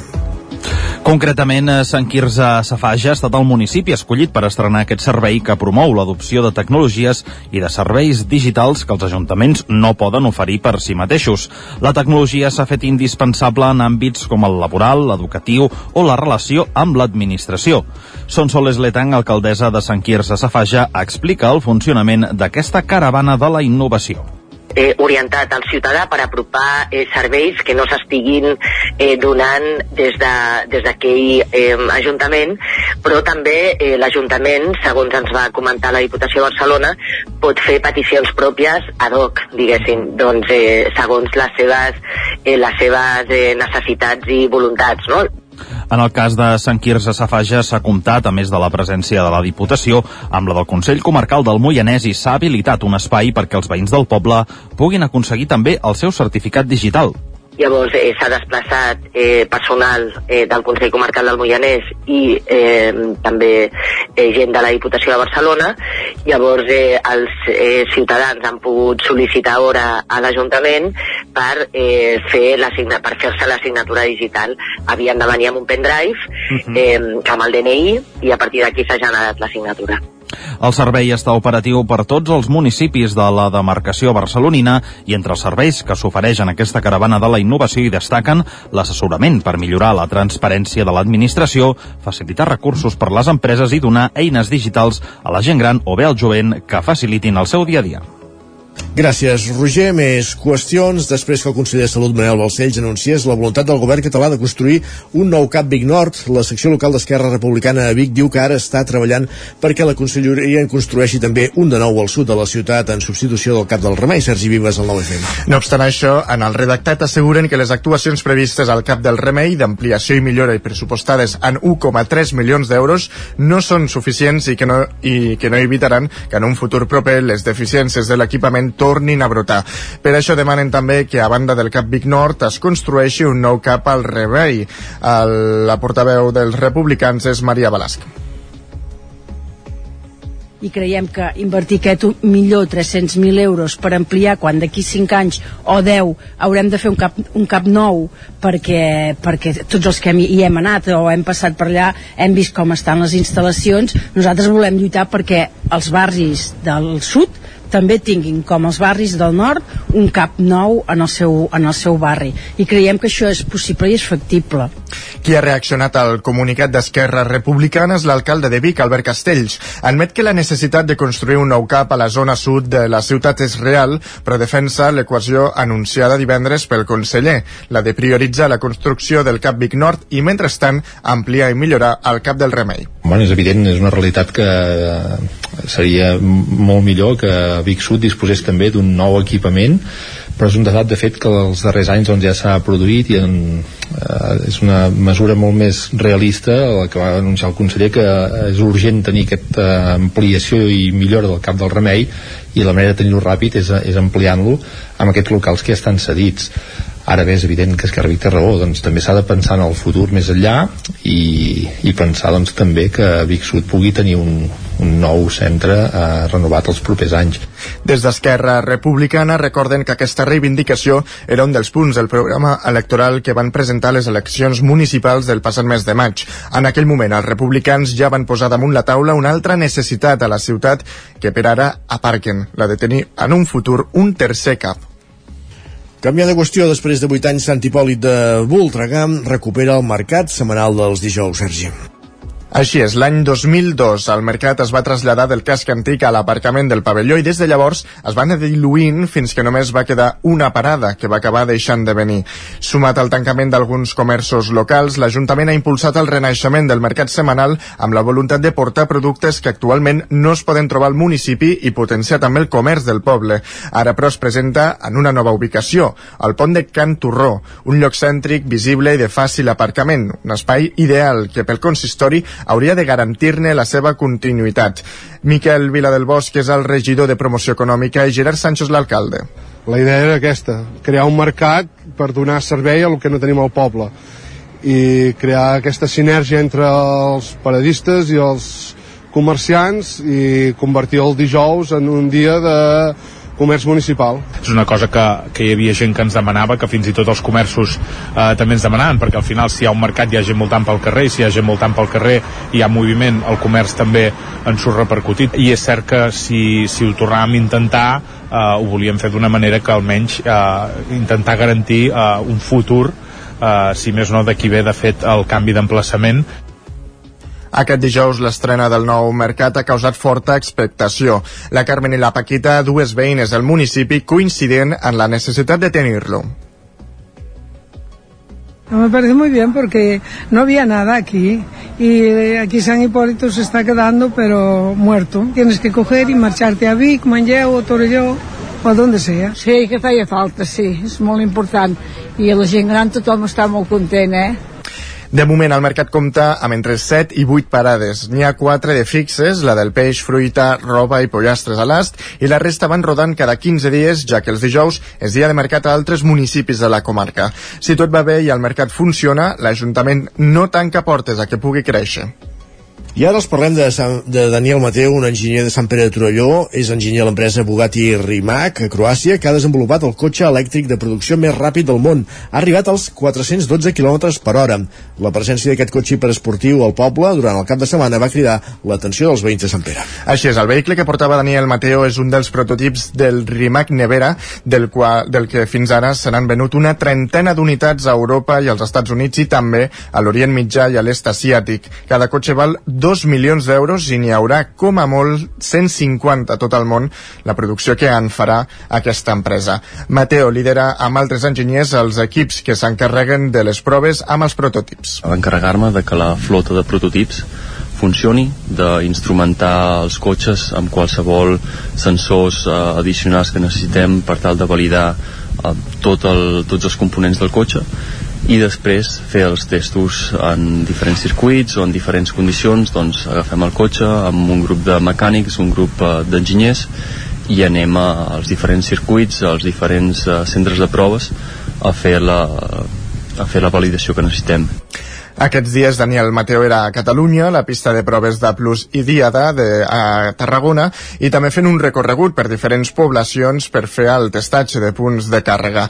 Tot i que té present, prestacions per córrer per circuits, el Rimac Nevera és un cotxe de carrer. En aquest context, el de les velocitats legals a les carreteres té una autonomia d'uns 350 quilòmetres i una bateria que es carrega molt ràpidament. És un cotxe elèctric amb quatre motors independents, un per roda, i té 1.914 cavalls. Uh, això li permet fer de 0 a 100 en una mica menys de 1,8 segons i una velocitat màxima de 412 km per hora. El, això ho fa molt ràpid i és una, és una bèstia de cotxe. Al tenir una bateria bastant gran podem carregar d'una forma molt ràpida i llavors en mitja hora tens la, la bateria del 20 al 100% per Mateo, l'avenç del cotxe elèctric i dels vehicles amb combustibles alternatius a la gasolina i al gasoil és imparable. Afegeix, però, que cal una infraestructura adequada per poder carregar els vehicles i també un canvi de mentalitat. Ell, amb tot just 28 anys i havent destacat ja de molt jove en l'àmbit de robòtica i la mecànica, espera continuar la seva trajectòria a Bugatti Rimac i va entrar fa 3 anys, després d'haver-ne treballat 3 mesos a McLaren, a Anglaterra, on hi havia estat per estudiar un màster de motorsport. I l'estanc Pilar de Can de Bànol, amb cinc generacions de la mateixa família al capdavant, rep el Premi Nacional de Comerç pels seus 106 anys d'història. Isaac Muntades, la veu de Sant Joan. Fa un parell de setmanes, l'estanc Pilar de Camp de Bànol va rebre el Premi Nacional de Comerç com a establiment centenari. De fet, aquest establiment té 106 anys d'història i és un negoci familiar de cinc generacions que va ser fundat l'any 1918 per Pere Ricard, el besavi de l'actual propietària Pilar Ill, que va començar-hi a treballar amb 20 anys el 1975 i ara que ja en té 68 segueix al peu del canó, tot i que en fase de prejubilació. Abans d'això, el negoci havia passat pel seu avi Pere Ricard, que va morir amb 38 anys i l'estanc el va agafar la seva dona i àvia d'Ill, Maria Capdevila. Després va passar a la seva filla Pilar Ricard i ara ho porten entre ell i la seva jove, Laura Sala, que fa un parell d'anys va agafar el timó del negoci, però que ja hi portava 13 anys treballant. Durant molts anys, l'estanc era una botiga on es venien moltes més coses, com explicava ell. Era merceria, era com un cort inglès en petit del poble, perquè venien cassoles de terra, vidre, plats, allò, cassoles, roba interior d'home dels que treballaven a la Farga, que eren blau, era blau marí, perquè així no era tan brut, gorres, xiruques, espardenyes de set vetes, era una botiga molt gran, era la d'aquí al número 1, ja era estanc, era muntada així, ja era la meitat estanc i la meitat era merceria. El 2004, després d'estar tota la vida al número 3 del carrer Freser, l'estanc es va traslladar al número 1 del mateix carrer, a menys de 20 metres de l'anterior ubicació. Un canvi motivat perquè l'anterior botiga no era de la seva propietat. Pagaven un lloguer molt barat, però van arreglar l'edifici i van establir-se a l'edifici familiar on hi havia hagut una sabateria. Amb el temps, l'estanc va deixar de ser una merceria perquè van obrir més botigues al poble. A canvi, fa uns 12 anys van obrir un punt de venda de loteria. De fet, la loteria és un puntal del negoci, ja que es ven el 50% amb el tabac. I Jordi Miralpeix, conegut artísticament com a Irim Lux, és el desè artista que passa per Artistes en Escena, una proposta de l'Atlàntida i l'Associació H per les Arts Contemporànies, Sergi. Anar cap allò desconegut per trobar allò nou és el lema que des de fa anys marca el ritme del procés de creació d'aquest artista d'aigua freda. Miralpeix és la imatge de la nova temporada de l'Atlàntida. La mostra, que des d'aquest dimecres es pot veure al vestíbul del teatre, s'anomena Orgànic, un projecte dividit en tres seccions molt clares que parteix d'una idea purament conceptual que l'artista ha plasmat a través de la pintura. A partir, diguéssim, d'aquestes paraules, orgànic, còsmic, es van dividir purament en un exercici de procés de, de, de, de maquetació, però va esdevenir a, a, a l'ORG, al ORG, com d'organització no? de lo que és, eh, ANI, com de l'ànima, no? eh, el cos de, de, de, de, de les persones que venen aquí, que actuen, que dansen, que toquen, tal, i el mic, no? com el micròfon, l'altaveu, diguéssim, d'aquestes persones amb el seu esperit, la seva ànima, estan aquí en aquest espai, no? I eh, succeeix el que succeeix.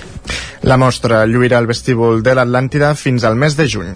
Gràcies, Sergi. Acabem aquí aquest repàs informatiu que començàvem al punt de les 10 en companyia de Sergi Vives, Isaac Muntades, Roger Rams i Enric Rubio. Un moment al territori 17 de saludar també en Pep Acosta.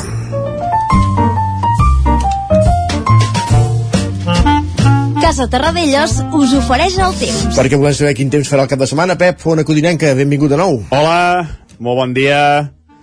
Avui el dia eh, molt assolellat, algunes boires, hi haurà algunes boires que seran persistents eh, a aquestes primeres hores del matí, després s'acabaran eh, fonent per la força de, del sol i molt poca cosa més. Eh, no hi haurà cap, cap núvol, pràcticament molt poca cosa, i avui les màximes novament superiors als 20 graus, eh, calor al migdia, i eh, molt contrast tèrmic, sobretot a les valls i les zones més, més, més fondes, entre el dia i la nit. Estem parlant que ara mateix hi ha poder 1 o 2 graus, o 3 graus, al migdia superem els 20, per tant, molt contrast tèrmic entre el dia i la nit.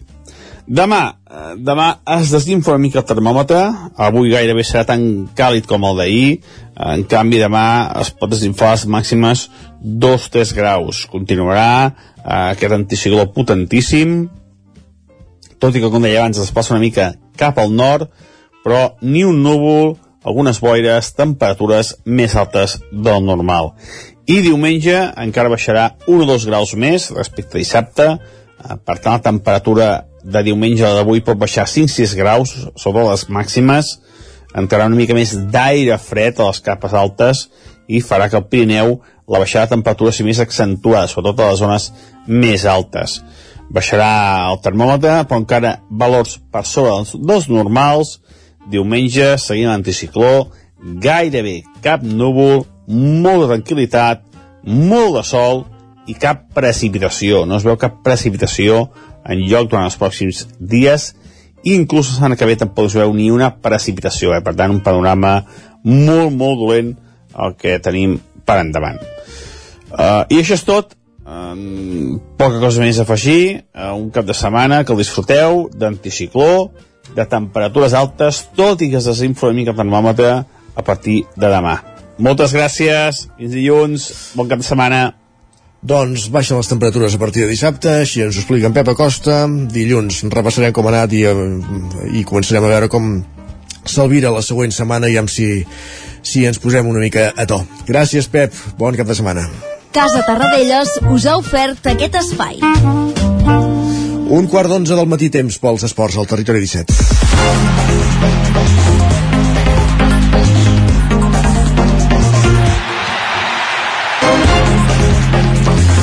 Temps pels esports. Ja sabeu que aquesta és una secció que fem en roda per les diferents emissores del territori 17. És moment de repassar l'agenda esportiva del cap de setmana, saber quins són els compromisos dels equips i esportistes de les nostres comarques per les properes hores. I avui comencem aquesta roda als estudis d'Ona Codinenca.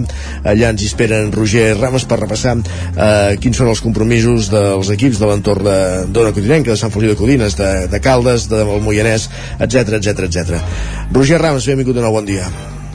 Bon dia, què tal? Doncs eh, exacte, com cada divendres fem ara un cop d'ull a l'agenda de la nostra zona, esportivament parlant. Comencem, com sempre, parlant de futbol. A la primera divisió catalana, el Caldes rep aquest diumenge a les 12 del migdia la visita del Montcada en la setzena jornada de Lliga. Ho fa com a segon classificat i a 5 punts del líder, que és el Manlleu. Per la seva banda, el Montcada és novè amb 20 punts. Més futbol a la segona catalana, el grup 4, el Sant Feliu de Codines, jugarà també diumenge, ho farà a les 6 de la tarda tarda a domicili, rebent a la Romànica de Sabadell. Els codinencs encadenen tres jornades sense perdre, tot i que encara són cuers a la taula, mentre que els sabadellencs són penúltims. I tanquem l'episodi futbolístic al Moianès i a la tercera divisió catalana, i és que demà dissabte a les 4 en punt el Moià visitarà el camp del Sant Quirze de Besora en la setzena jornada de campionat. Els moianesos són novens a la taula amb 20 punts, mentre que el Sant Quirze és setè amb 23. Parlem ara d'hoquei patins. A l'hoquei Lliga masculina, el Caldes visita aquest diumenge a les 6 de la tarda la, la pista del Calafell en la setzena jornada de Lliga.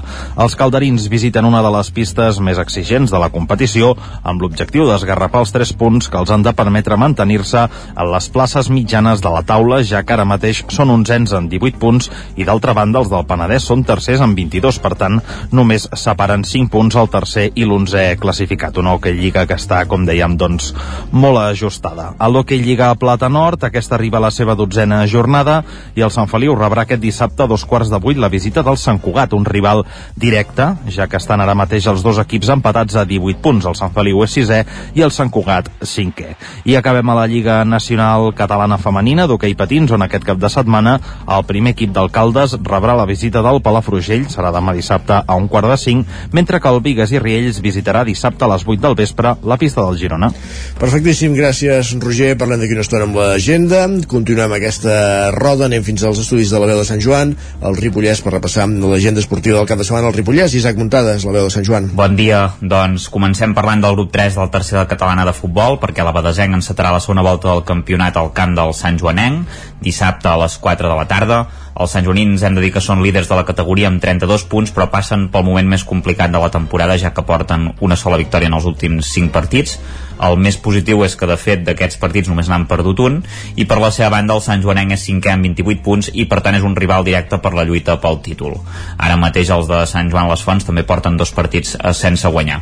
Per la seva banda, dissabte a les 4 de la tarda també jugarà el Camprodon al camp del Besalún, un partit que hauria de ser assequible pels camprodonins, ja que són sisens amb 24 punts, tot i que porten dos partits sense vèncer. El seu rival és 13 amb 16 punts i porta també 4 jornades sense conèixer la victòria. I el Camp el vol deixar enrere la mala ratxa i vèncer aquest dissabte a les 4 de la tarda a les preses.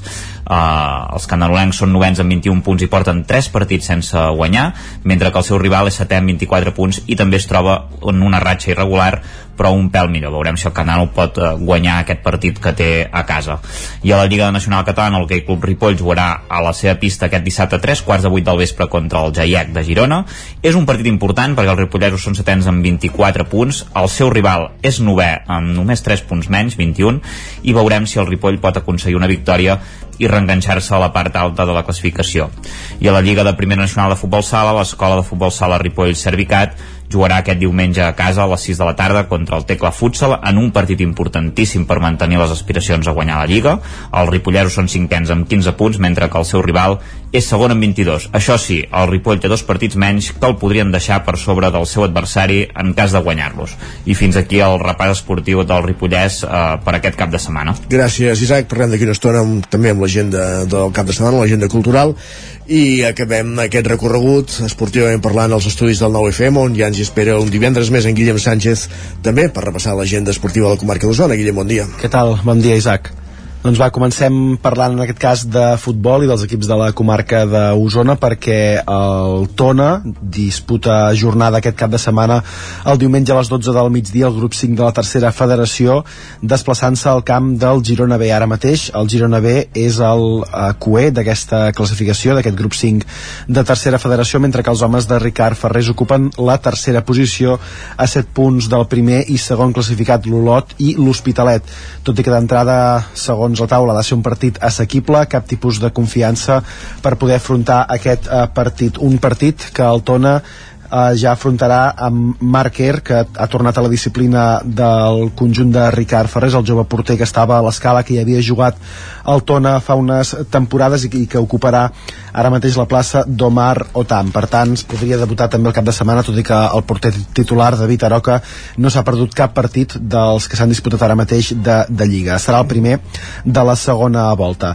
Qui també té partit a la tercera federació, en aquest cas a la tercera femenina, al grup 3 és el Vic Riu Primer, que aquest diumenge a partir de dos quarts d'una rep la visita del Cornellà a l'Hipòlit Planàs. Les primerenques volen sumar ja la novena victòria de la temporada i continuar escalant així posicions a la part alta de la classificació. Recordem que el darrer cap de setmana, a la darrera jornada, van guanyar el camp de l'Igualada també un rival directe de la part alta i afronten ara mateix amb moltes ganes el fet de poder arribar fins i tot a la primera o segona posició de la Lliga. Qui també té partit el cap de setmana és la Unió Esportiva Vic a la Lliga Elite, en aquest cas un desplaçament al camp del, del Figueres diumenge a les 12 del migdia un partit que els homes de Ramon Carrascal tenen entre cella i cella per tornar a aconseguir la victòria. Recordem que venen de dos empats consecutius en aquest inici de 2024 ara mateix el Vic està a la sisena posició d'aquesta Lliga Elite i una victòria el podria fer escalar uns quants llocs a la taula.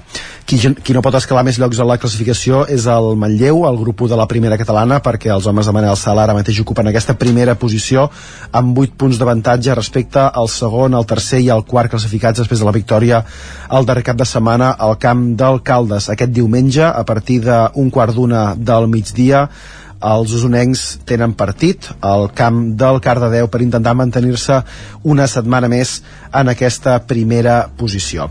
Com serà que no?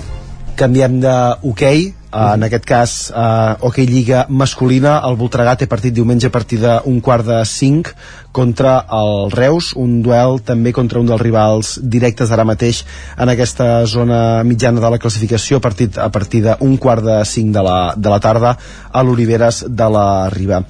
En el cas de hoquei femení eh, ens desplaçarem també a la pista del Manlleu perquè el Martinelli Manlleu juga demà dissabte a partir de les 5 de la tarda contra el Corunya en partit de la tercera jornada de la Lliga de Campions femenina. Ara mateix les manlleuenques estan empatades amb les gallegues i buscaran la segona victòria en aquest grup per continuar liderant la classificació.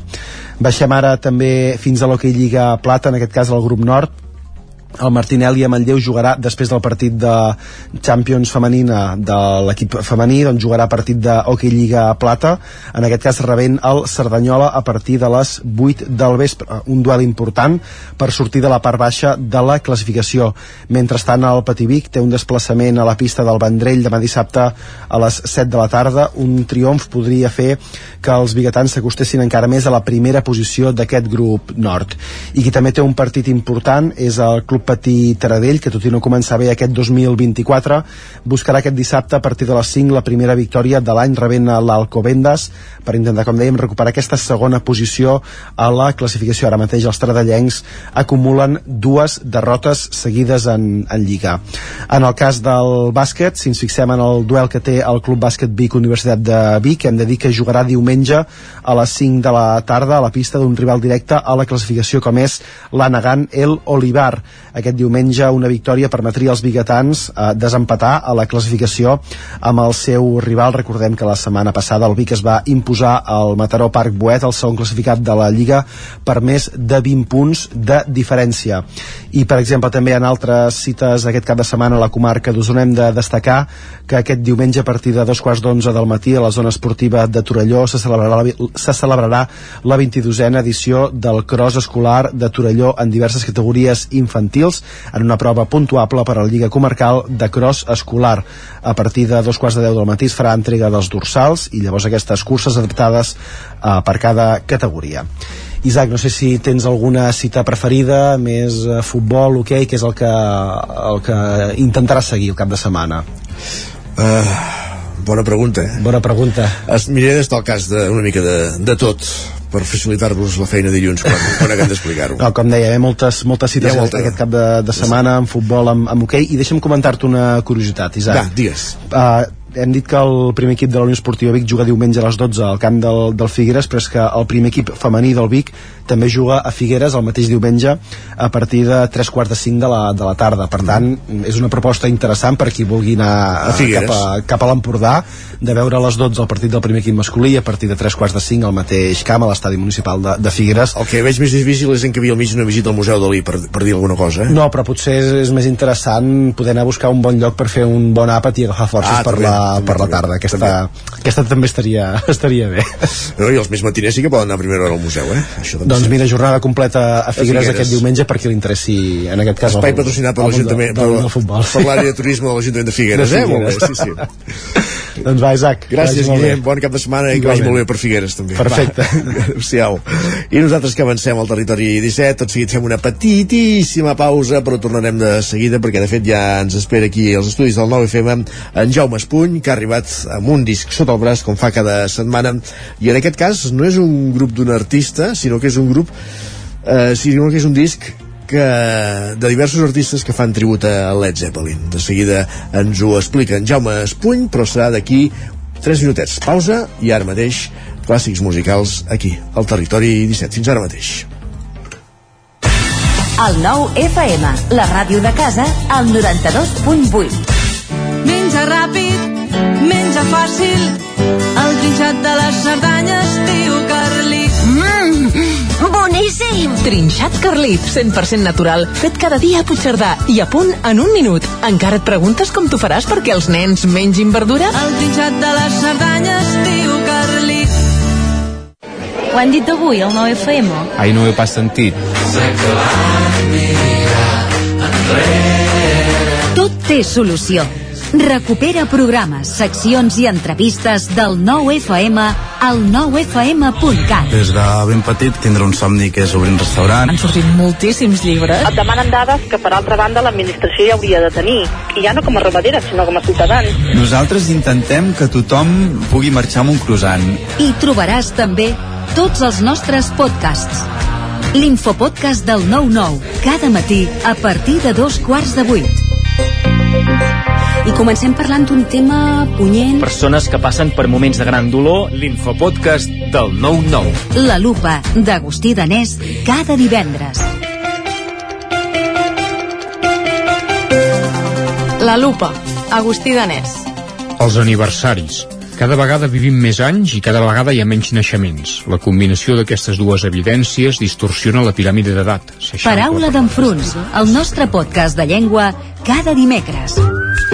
Quan escoltem ho fem voluntàriament i en canvi sentir, podem sentir moltes coses encara que nosaltres no vulguem. Bruixes del dia, el podcast de dones i bruixes de Laura Centelles i Maria Saladí. Estàs escoltant Bruixes del dia. La meva relació amb la mort és totalment diferent, perquè jo morts, diguéssim, físiques d'un cos, n'he vist, crec que una a la meva vida. Feeling de 5, l'actualitat de casa nostra en anglès. Hello and welcome to Filling the Sink, a podcast from Catalan News. My name is Lucía I també tots els relats finalistes del concurs de narrativa curta del 9-9. He despertat a mig de la foscor. Tinc la boca seca i els ulls El 9fm.cat, la ràdio en línia i els podcasts del 9FM. Cocodril Club. Si t'agrada la bona música dels anys 60, 70 i 80, escolta el 9 FM els matins de dissabtes i diumenges d'11 a 1. És el temps del Cocodril Club, tot un clàssic de la ràdio, amb les bases del pop-rock, les llegendes, les cançons que s'han convertit en autèntics himnes. Recorda, dissabtes i diumenges al matí, d'11 a 1, al 9 FM 92.8. Cocodril Club, el programa revival de l'Albert Malla. Hasta luego, cocodrilo. El 9 FM, el 9 FM, el 9 FM. Ara mateix en punt, dos quarts d'onze al territori 17.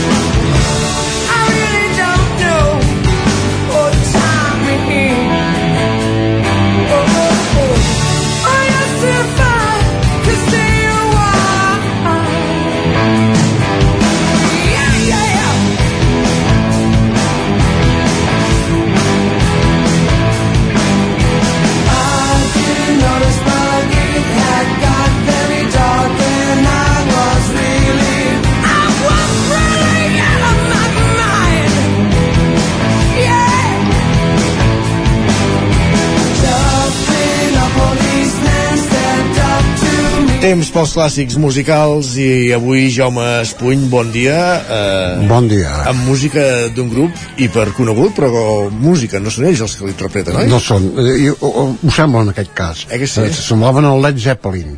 I de fet eh, és un disc que es diu Encon Encomium, que seria elogi, més o menys, Comis. eh, amb el subtítol Attrib Attribute Tribute eh, to Led Zeppelin, o sigui, un tribut a Led Zeppelin. Molt bé. Eh, en, en aquest món del rock hi ha hagut molts discos d'aquests d'homenatge, uns quants grups i cantants eh, graven una cançó cada un de, del grup de, de, del grup o, o del, del que sigui una figura, suposo eh, i, bueno, i fan un disc i avui aquest, portem aquest Enconium, Enconium. és de l'any 1995 eh, ja feia anys que estaven separats el Sí. Led Zeppelin i que, que és un grup, el Led Zeppelin és un grup que sempre ha caigut molt bé als grups de rock, no? Exacte. Eh, Els guitarreros. Sí, exactament, els guitarreros. Eh, el, el Led Zeppelin va sortir l'any 69, vull dir que déu-n'hi-do. Eh, aquest, aquest, aquests que estem escoltant són els un grup, és que són grups poc coneguts, eh? Uh, For Non Blonde, eh, i ara eh, sentirem el millor del disc, que aquesta sí que la coneixem més o menys. Blondis? Forn Blondis eren aquestes. Sí. Que, que són noies, de fet. Quatre rosses eren, no? Que van, No, no, no, no. Val. Són, nois, Nois. Tot, tot i que diu For Non Blonde, sí, se, se podria No, ser, no, és que hi havia un grup de noies dels anys 90 que van fer fortuna i, Home, això, eh, i ara quan has dit que, que no siguin elles Deixeu-m'ho confirmar, eh? Uh, pum, pum. No, no, són tres senyors, eh? Molt bé. Uh, bueno, doncs ara sentirem una senyora, això sí, eh, la Sheryl Crow, que fa una versió força sexy i maca, és la camarada més del disc, que es diu Die Maker.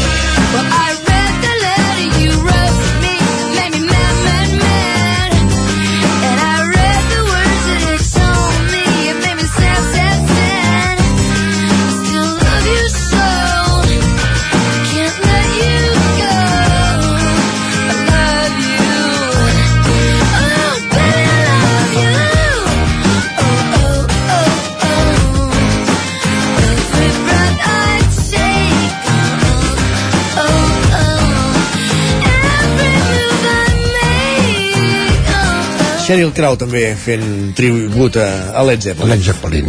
M'agrada aquesta noia a mi. Eh, en total són 13 cançons. Sí. eh, I cada intèrpret, la majoria de grups eh, en toquen una, no? Eh, ja deia abans que són grups poc coneguts. Eh, aquí, a, aquí a Catalunya també va haver-hi... Tenia jo un disc eh, que es deia like, eh, no, com un huracà que deia versionant Neil Young, com pots imaginar, sí. eh, que ja no el tinc, però el vaig regalar. Carai. Eh, sí, amb un italià, a més a més, que era un fan de Neil Young, i allà doncs, hi havia versions de, de Neil Young eh, interpretades per bueno, Laxambustos, Sopa de Cabra, eh, Sau, mm, bueno, els grups d'aquells moments, els Sí, bars, exacte, sí, sí, etc. els moments. els grups d'aquells moments que estaven i alguns encara duren per, per cert sí, sí. eh, d'aquest disc es podria criticar potser que no, no s'aparten gaire de l'original no? No, no, són còpies més que versions, exactament. d'aigua, sí. excepte aquesta Sheryl Crow que són una mica diferent uh Mhm. -huh. eh, doncs no s'aparten gaire eh, o aquest que sentirem ara que fa gràcia perquè és el grup Manà de Mèxic sí. i cant fan una versió de Full in the Rain el boig de la pluja en castellà, és clar com no pot ser d'altra manera, clar Thank you.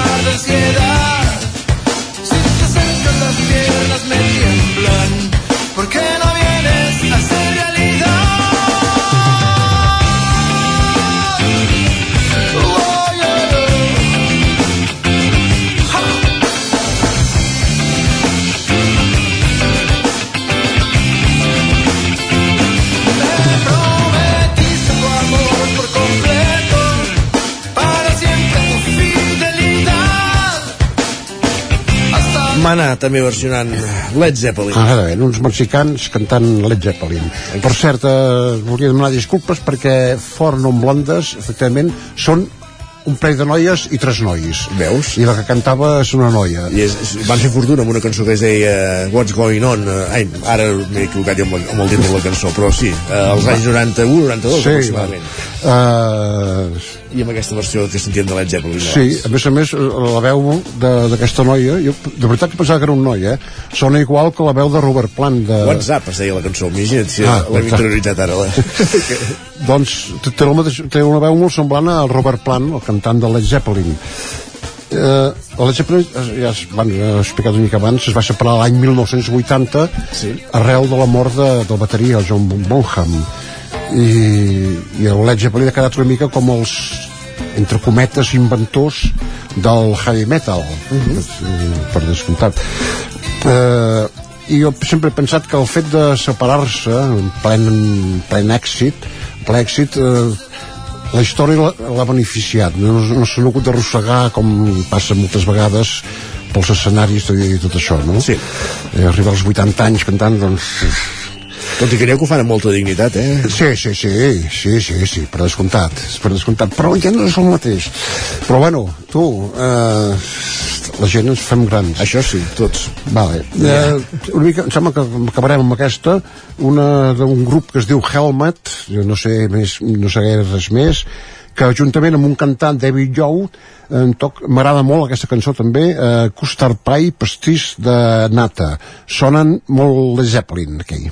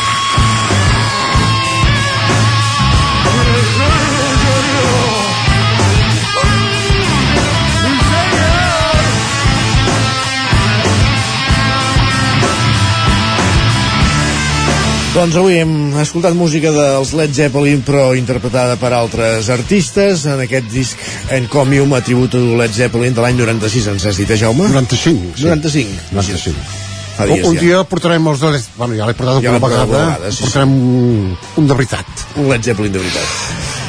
Moltíssimes gràcies Jaume, bon cap de setmana i fins divendres vinent. Fins divendres. Adéu-siau.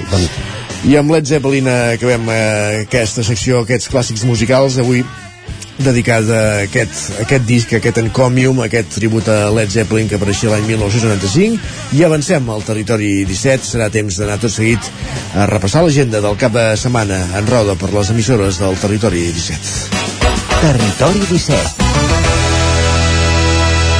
Dos minuts i mig perquè siguin tres quarts d'onze del matí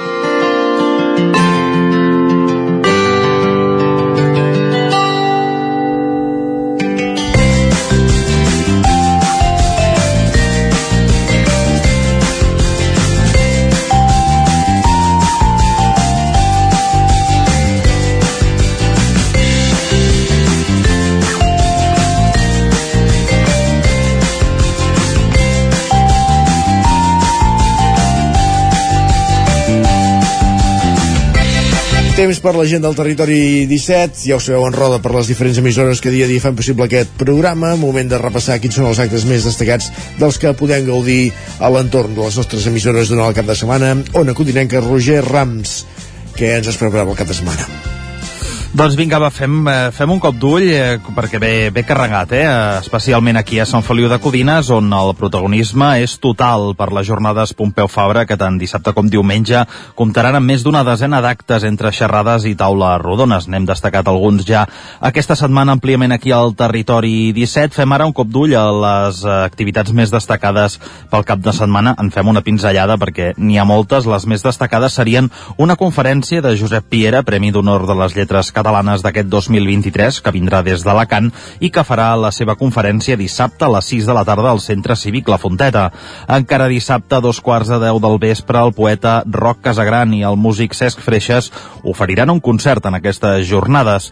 Ja diumenge a les 12 del migdia hi haurà una taula rodona sobre l'ús del català amb integrants de la Catalunya del Nord, les Illes, el País Valencià i també del Principat de Catalunya, que serà moderada per l'expresidenta del Parlament, Carme Forcadell.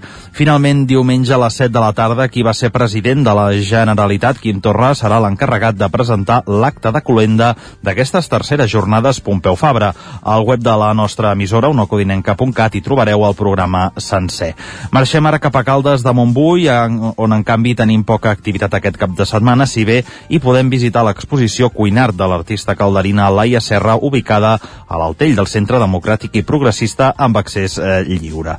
Marxem cap a Vigues i Riells del Fai, on l'acte central d'aquest cap de setmana serà la Fira de l'Oli del Vallès i del Pa Artesà, que se celebrarà demà dissabte i que arriba en un moment crític pels productors d'oli, que com us explicàvem fa uns dies aquí al Territori 17, han viscut una de les pitjors collites de la seva història. Amb una quarantena de parades de productors ballesans, però es podran degustar i comprar olis de proximitat a banda d'assistir a xerrades i tallers que es faran al llarg de tot el dia, recordem demà dissabte, amb aquests productes com a protagonistes. La fira s'ubicarà a la plaça de Miquel Bosch de Vigues. I acabem, com sempre, el repàs al Moianès per destacar que Moià segueix immers en la celebració de les festes de Sant Sebastià, la festa major d'hivern, que aquest diumenge viurà un dels actes més esperats, la passada dels Tres Toms, que enguany arriba a la seva quarantena edició i que recorrerà els carrers de la capital moianesa diumenge a partir de les 11 del matí. Encara a Moià, dissabte a la tarda, la pianista Laura Ballestrino, membre de les Joventuts Musicals de Moià, farà un recital de piano i poesia a l'Auditori de Sant Josep serà a les 6 de la tarda i acabem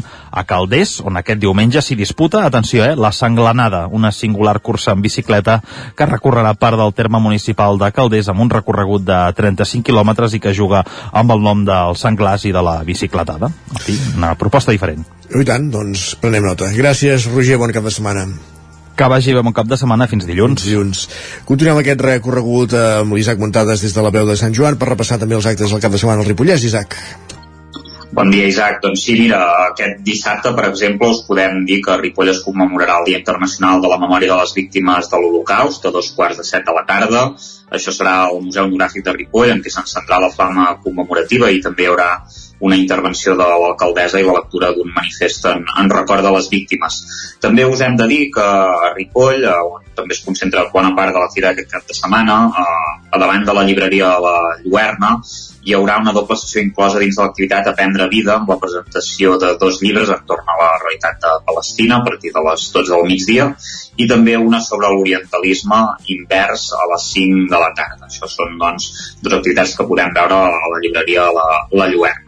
I de la llibreria anem a la biblioteca perquè també a les 12 del migdia a la biblioteca Lambert Mata fa un club de lectura per adults amb el comentari i col·loqui del llibre La Malnada de Beatriz Salvioni que és un acte doncs, conduït per eh, Ramon Alabau.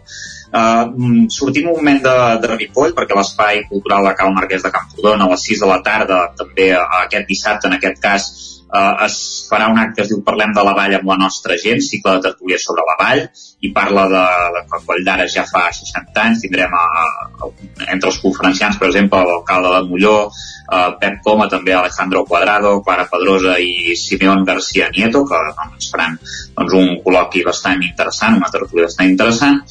Um, també dir-vos que aquest dissabte es compleixen 130 anys de la Germandat de Sant Pau de Segúries, es faran un munt d'activitats, per exemple es començarà amb un esmorzar a l'edifici del Molí per a tots els socis a les 9 del matí. També hi haurà una cerca vila a dos quarts de 12 acompanyada de la copla a la principal d'Olot. A les 12 va haver-hi missa solemne a l'església, hi haurà una missa solemne a l'església i audició de tres sardanes a la plaça de la Generalitat. I a les dues també un dinar de, de germanor i un ball a càrrec de Marc Clarí. A més de la representació, això ja a les 9 del vespre, del Floridor Pensil a càrrec de la companyia de teatre Rotundus de, de Camprodon. Per tant, tot es queda a la vall de Camprodon en aquest cas. I per acabar, dir-vos també que aquesta setmana hi ha dues activitats. Eh, aquest diumenge a Can de Bànol hi haurà la sardana batega a Can de Bànol organitzada per la secció sardanista del grup excursionista a la Torre de mossèn Tor que començarà a les 12 del migdia i es donarà un vermut a tots els assistents i a la sala diagonal a dos quarts de sis de la tarda berenar i ball amb Jordi Bruc que si no tinc mal entès l'alcalde de Prats de Lluçanès també No tens, mal, no tens gens mal entès, no? exacte, doncs el tindrem aquí fent, fent-nos ballar una mica Molt bé. Perfectíssim, Isaac. Doncs moltíssimes gràcies. Bon cap de setmana també. Eh, Ens retrobem dilluns. bon cap de setmana, fins dilluns I acabem aquest recorregut als estudis de, del nou FM en companyia de Miquel R i d'en Jordi Vilarrodà. Benvinguts tots dos. Hola, molt bon dia. Bon dia. Eh, per repassar també els actes de la gent de la comarca d'Osona, per on comencem? Tu mateix, Jordi. Sí. Eh, sentim malament eh, l'Isaac avui eh, a veure, eh, comencem doncs eh, eh, començarem parlant d'un esdeveniment especial que hi ha aquest cap de setmana que és el concert que farà el roquer nord-americà Elliot Murphy a Balanyà per què diem que és especial? perquè fa 25 anys que va fer la seva primera actuació en aquest lloc, a Balanyà precisament amb el lloc en què hi ha anat creant una relació molt especial eh, un concert organitzat pel COC, el col·lectiu COC, que ja va ser organitzat el primer per aquest col·lectiu, i des de llavors eh, l'Eliot Murphy ha tornat en 13 ocasions a Balanyà. Eh, les seves gires, ell viu eh, a França, encara que, que d'origen sigui nord-americà, les seves gires pel sud d'Europa sempre diu que inclouen Balanyà com un punt que, que s'hi ha d'anar.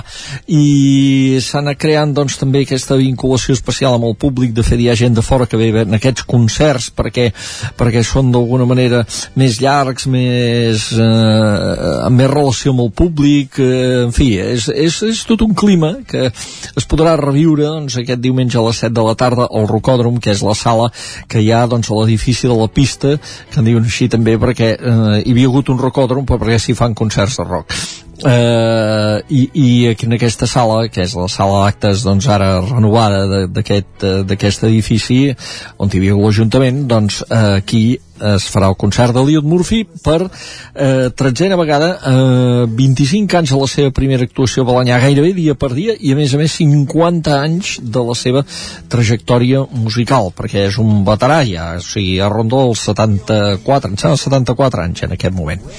Anem per altres eh, concerts que tenim aquest cap de setmana. Avui n'hi ha un de destacat avui mateix a Tona, a la sala de Canal en què la Coloma Bertran la violinista Coloma Bertran presenta un nou espectacle. Ha donat a conèixer un EP de quatre temes que acaba de sortir aquesta setmana que es diu Animal o Animal, eh, depèn de com posem l'accent aquí perquè es pot llegir de dues maneres i, i, i eh, aquest el- aquest EP és un tastet d'un espectacle. O sigui, si es vol conèixer una mica tot eh, s'ha d'anar a veure el directe un directe en què actua en solitari eh, ella utilitza molt ara recursos a més de loops, pedals, etc per veus, per anar afegint capes ella mateixa a la seva pròpia creació i amb una escenografia que en aquest cas doncs, ha, ha fet la, la directora teatral Montse Rodríguez. I parlant de directores teatrals també anem cap a Manlleu perquè aquest dissabte es podrà veure el treball d'una directora teatral de Manlleu que és la Martina Cabanes, que eh, va estrenar a l'estiu de l'any 2022 a l'Argentina, un projecte teatral amb actors d'allà, creat per ella com a dramaturga i com a directora, que es diu Nos, i que ara arriba a Manlleu dintre una gira que fa per l'estat espanyol, amb ella com a directora, evidentment, i amb els mateixos actors, tres actors argentins que van estrenar l'obra a l'Espacio Callejón de Buenos Aires.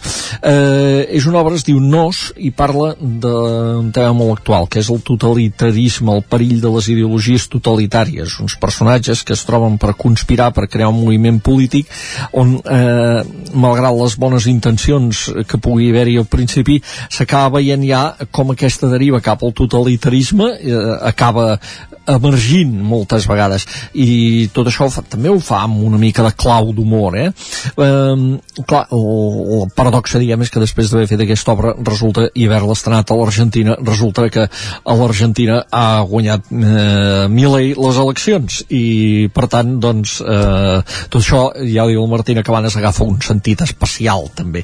Eh, fer un repàs molt ràpid molt ràpid d'un parell de coses més. Eh, aquest divendres i dissabte a l'Atlàntida hi tenim els dos concerts que tanquen el projecte Montpou, que és això la interpretació de totes les obres de piano de Frederic Montpou, i diumenge a les 6 de la tarda hi tenim el projecte Sinfonova, amb el Marcel Gorgori, no cal donar gaires detalls, i eh, això és la cinquena vegada, el cinquè projecte Sinfonova que passa per l'Atlàntida. Al Teatre Sirvianum de Torelló, dissabte i diumenge, dues sessions de Pipi Calces Llargues, l'espectacle de xarxa, teatre, que es va poder veure per la Festa Major i que ara es repeteix. I recordem també que aquest cap de setmana arriba a pantalles, concretament a Vic, a la pantalla del Sucre, Canigó 1883, que és la pel·lícula sobre, o la segona pel·lícula sobre les aventures pirinenques d'aquest Jacint Verdaguer, interpretat en la seva maduresa per l'actor Lluís Soler. Per tant, hem fet una repassada de tot el que hi ha aquest cap de setmana. Però ha, encara hi ha més coses que ens acosten Miquel Arra, Miquel. Doncs recullo, pràcticament no et sento, Isaac, eh, recullo el, el testimoni, en Jordi ens parlava de 13 anys eh, de l'Eliot Murphy venint a, a tocar als hostalets, jo us porto el doble d'edicions, que són 26, les del Cau de Bruixes a Centelles. Eh, Recordem-ho, una iniciativa que va néixer gairebé com un preàmbul no, per amenitzar una mica el que seria el Carnaval de Centelles, un dels històrics de la comarca, i avui s'ha convertit segurament en la festa popular més multitudinària de, del, del poble.